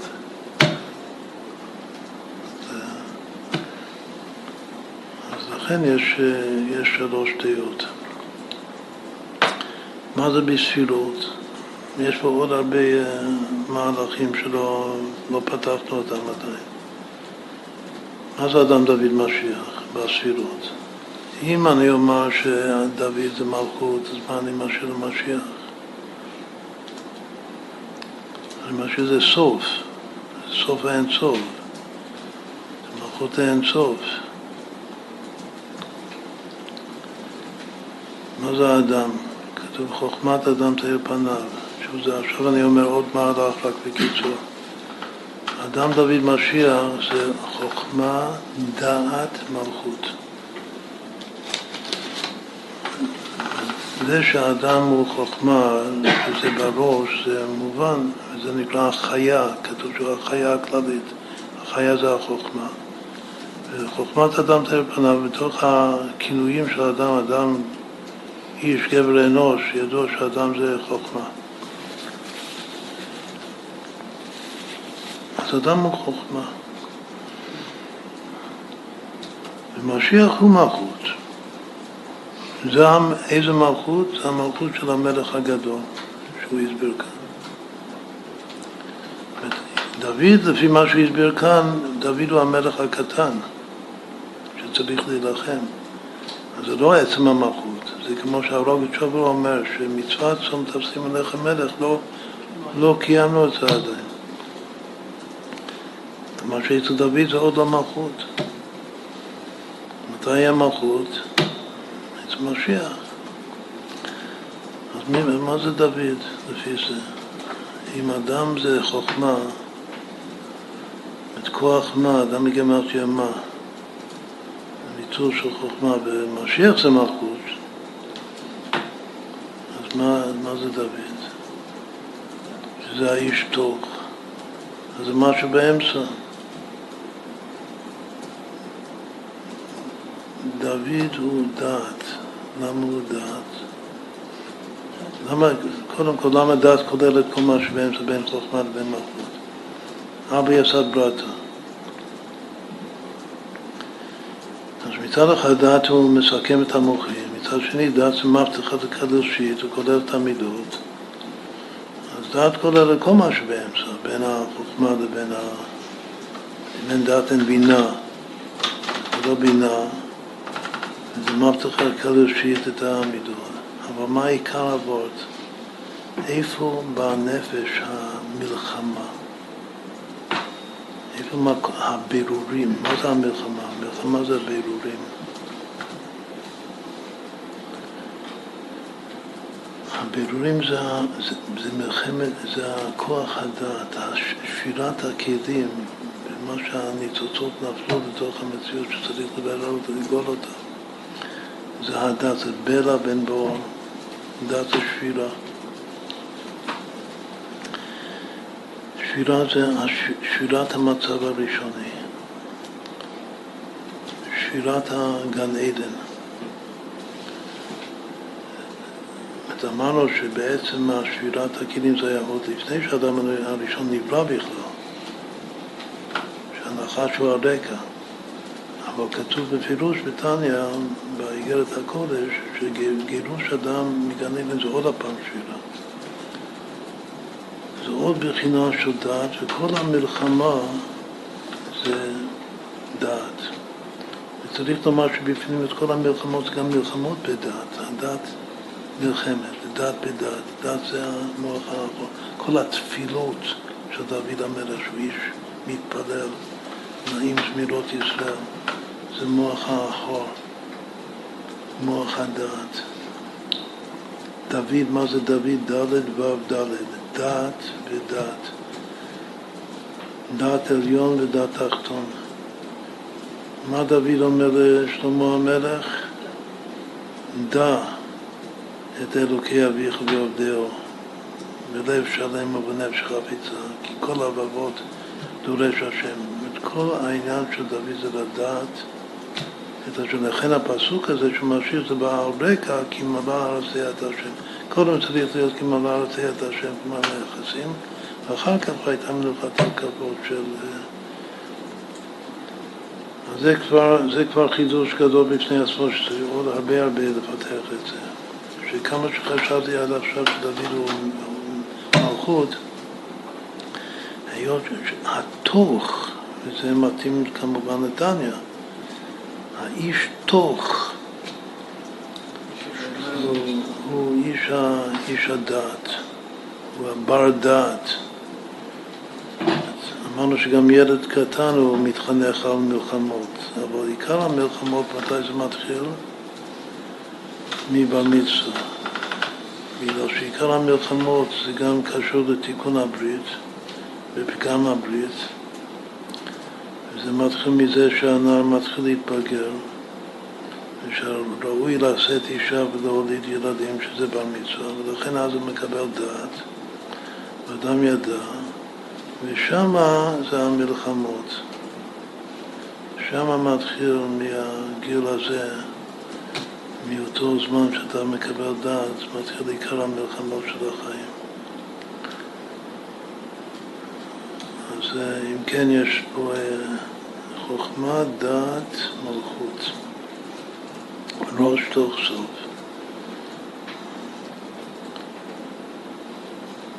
יופי. שוב, אני חוזר על מה שאמרנו בהתחלה, מה, ש... מה שמיד התקשר לי המאמר הזה עם הדמות של אה, יהודית רוטשילד עליה השלום, זה הכל בגלל מלחמת החיים בקדושה. שהבינוני של התניא זה אחד שהוא במלחמה והוא מפקד מתי לחמה, כמעט עצרו אותה על העבודה שלה. מאות, אלפי תינוקות היא הצילה, כאילו, מהפלות, וכמעט ישב בבית סוהר בשביל זה. גם ירשה את זה מאביה, שהיה איזה עורך דין משהו מוצלח, ובמלחמת העולם השנייה הוא התנדב לצבא האמריקאי וקיבל הרבה צל"שים שם, איש מלחמה כפשוטו. אז זה בגנים שמה, וכאן זה עם, עם התשובה זה בא לידי ביטוי בקדושה, במאה אחוז קדושה של מלחמה, וכמו שאמרנו קודם, שיש הרבה פעמים יש מלחמה, או כל האנשי מלחמה, גם שיחיה אלף שנים, הוא לא גומר. הוא לא גומר את, המלחמה שלו, את העבודה שלו. אז על זה כתוב חבל על דאבדין ולא משתכחים. אז עד כאן.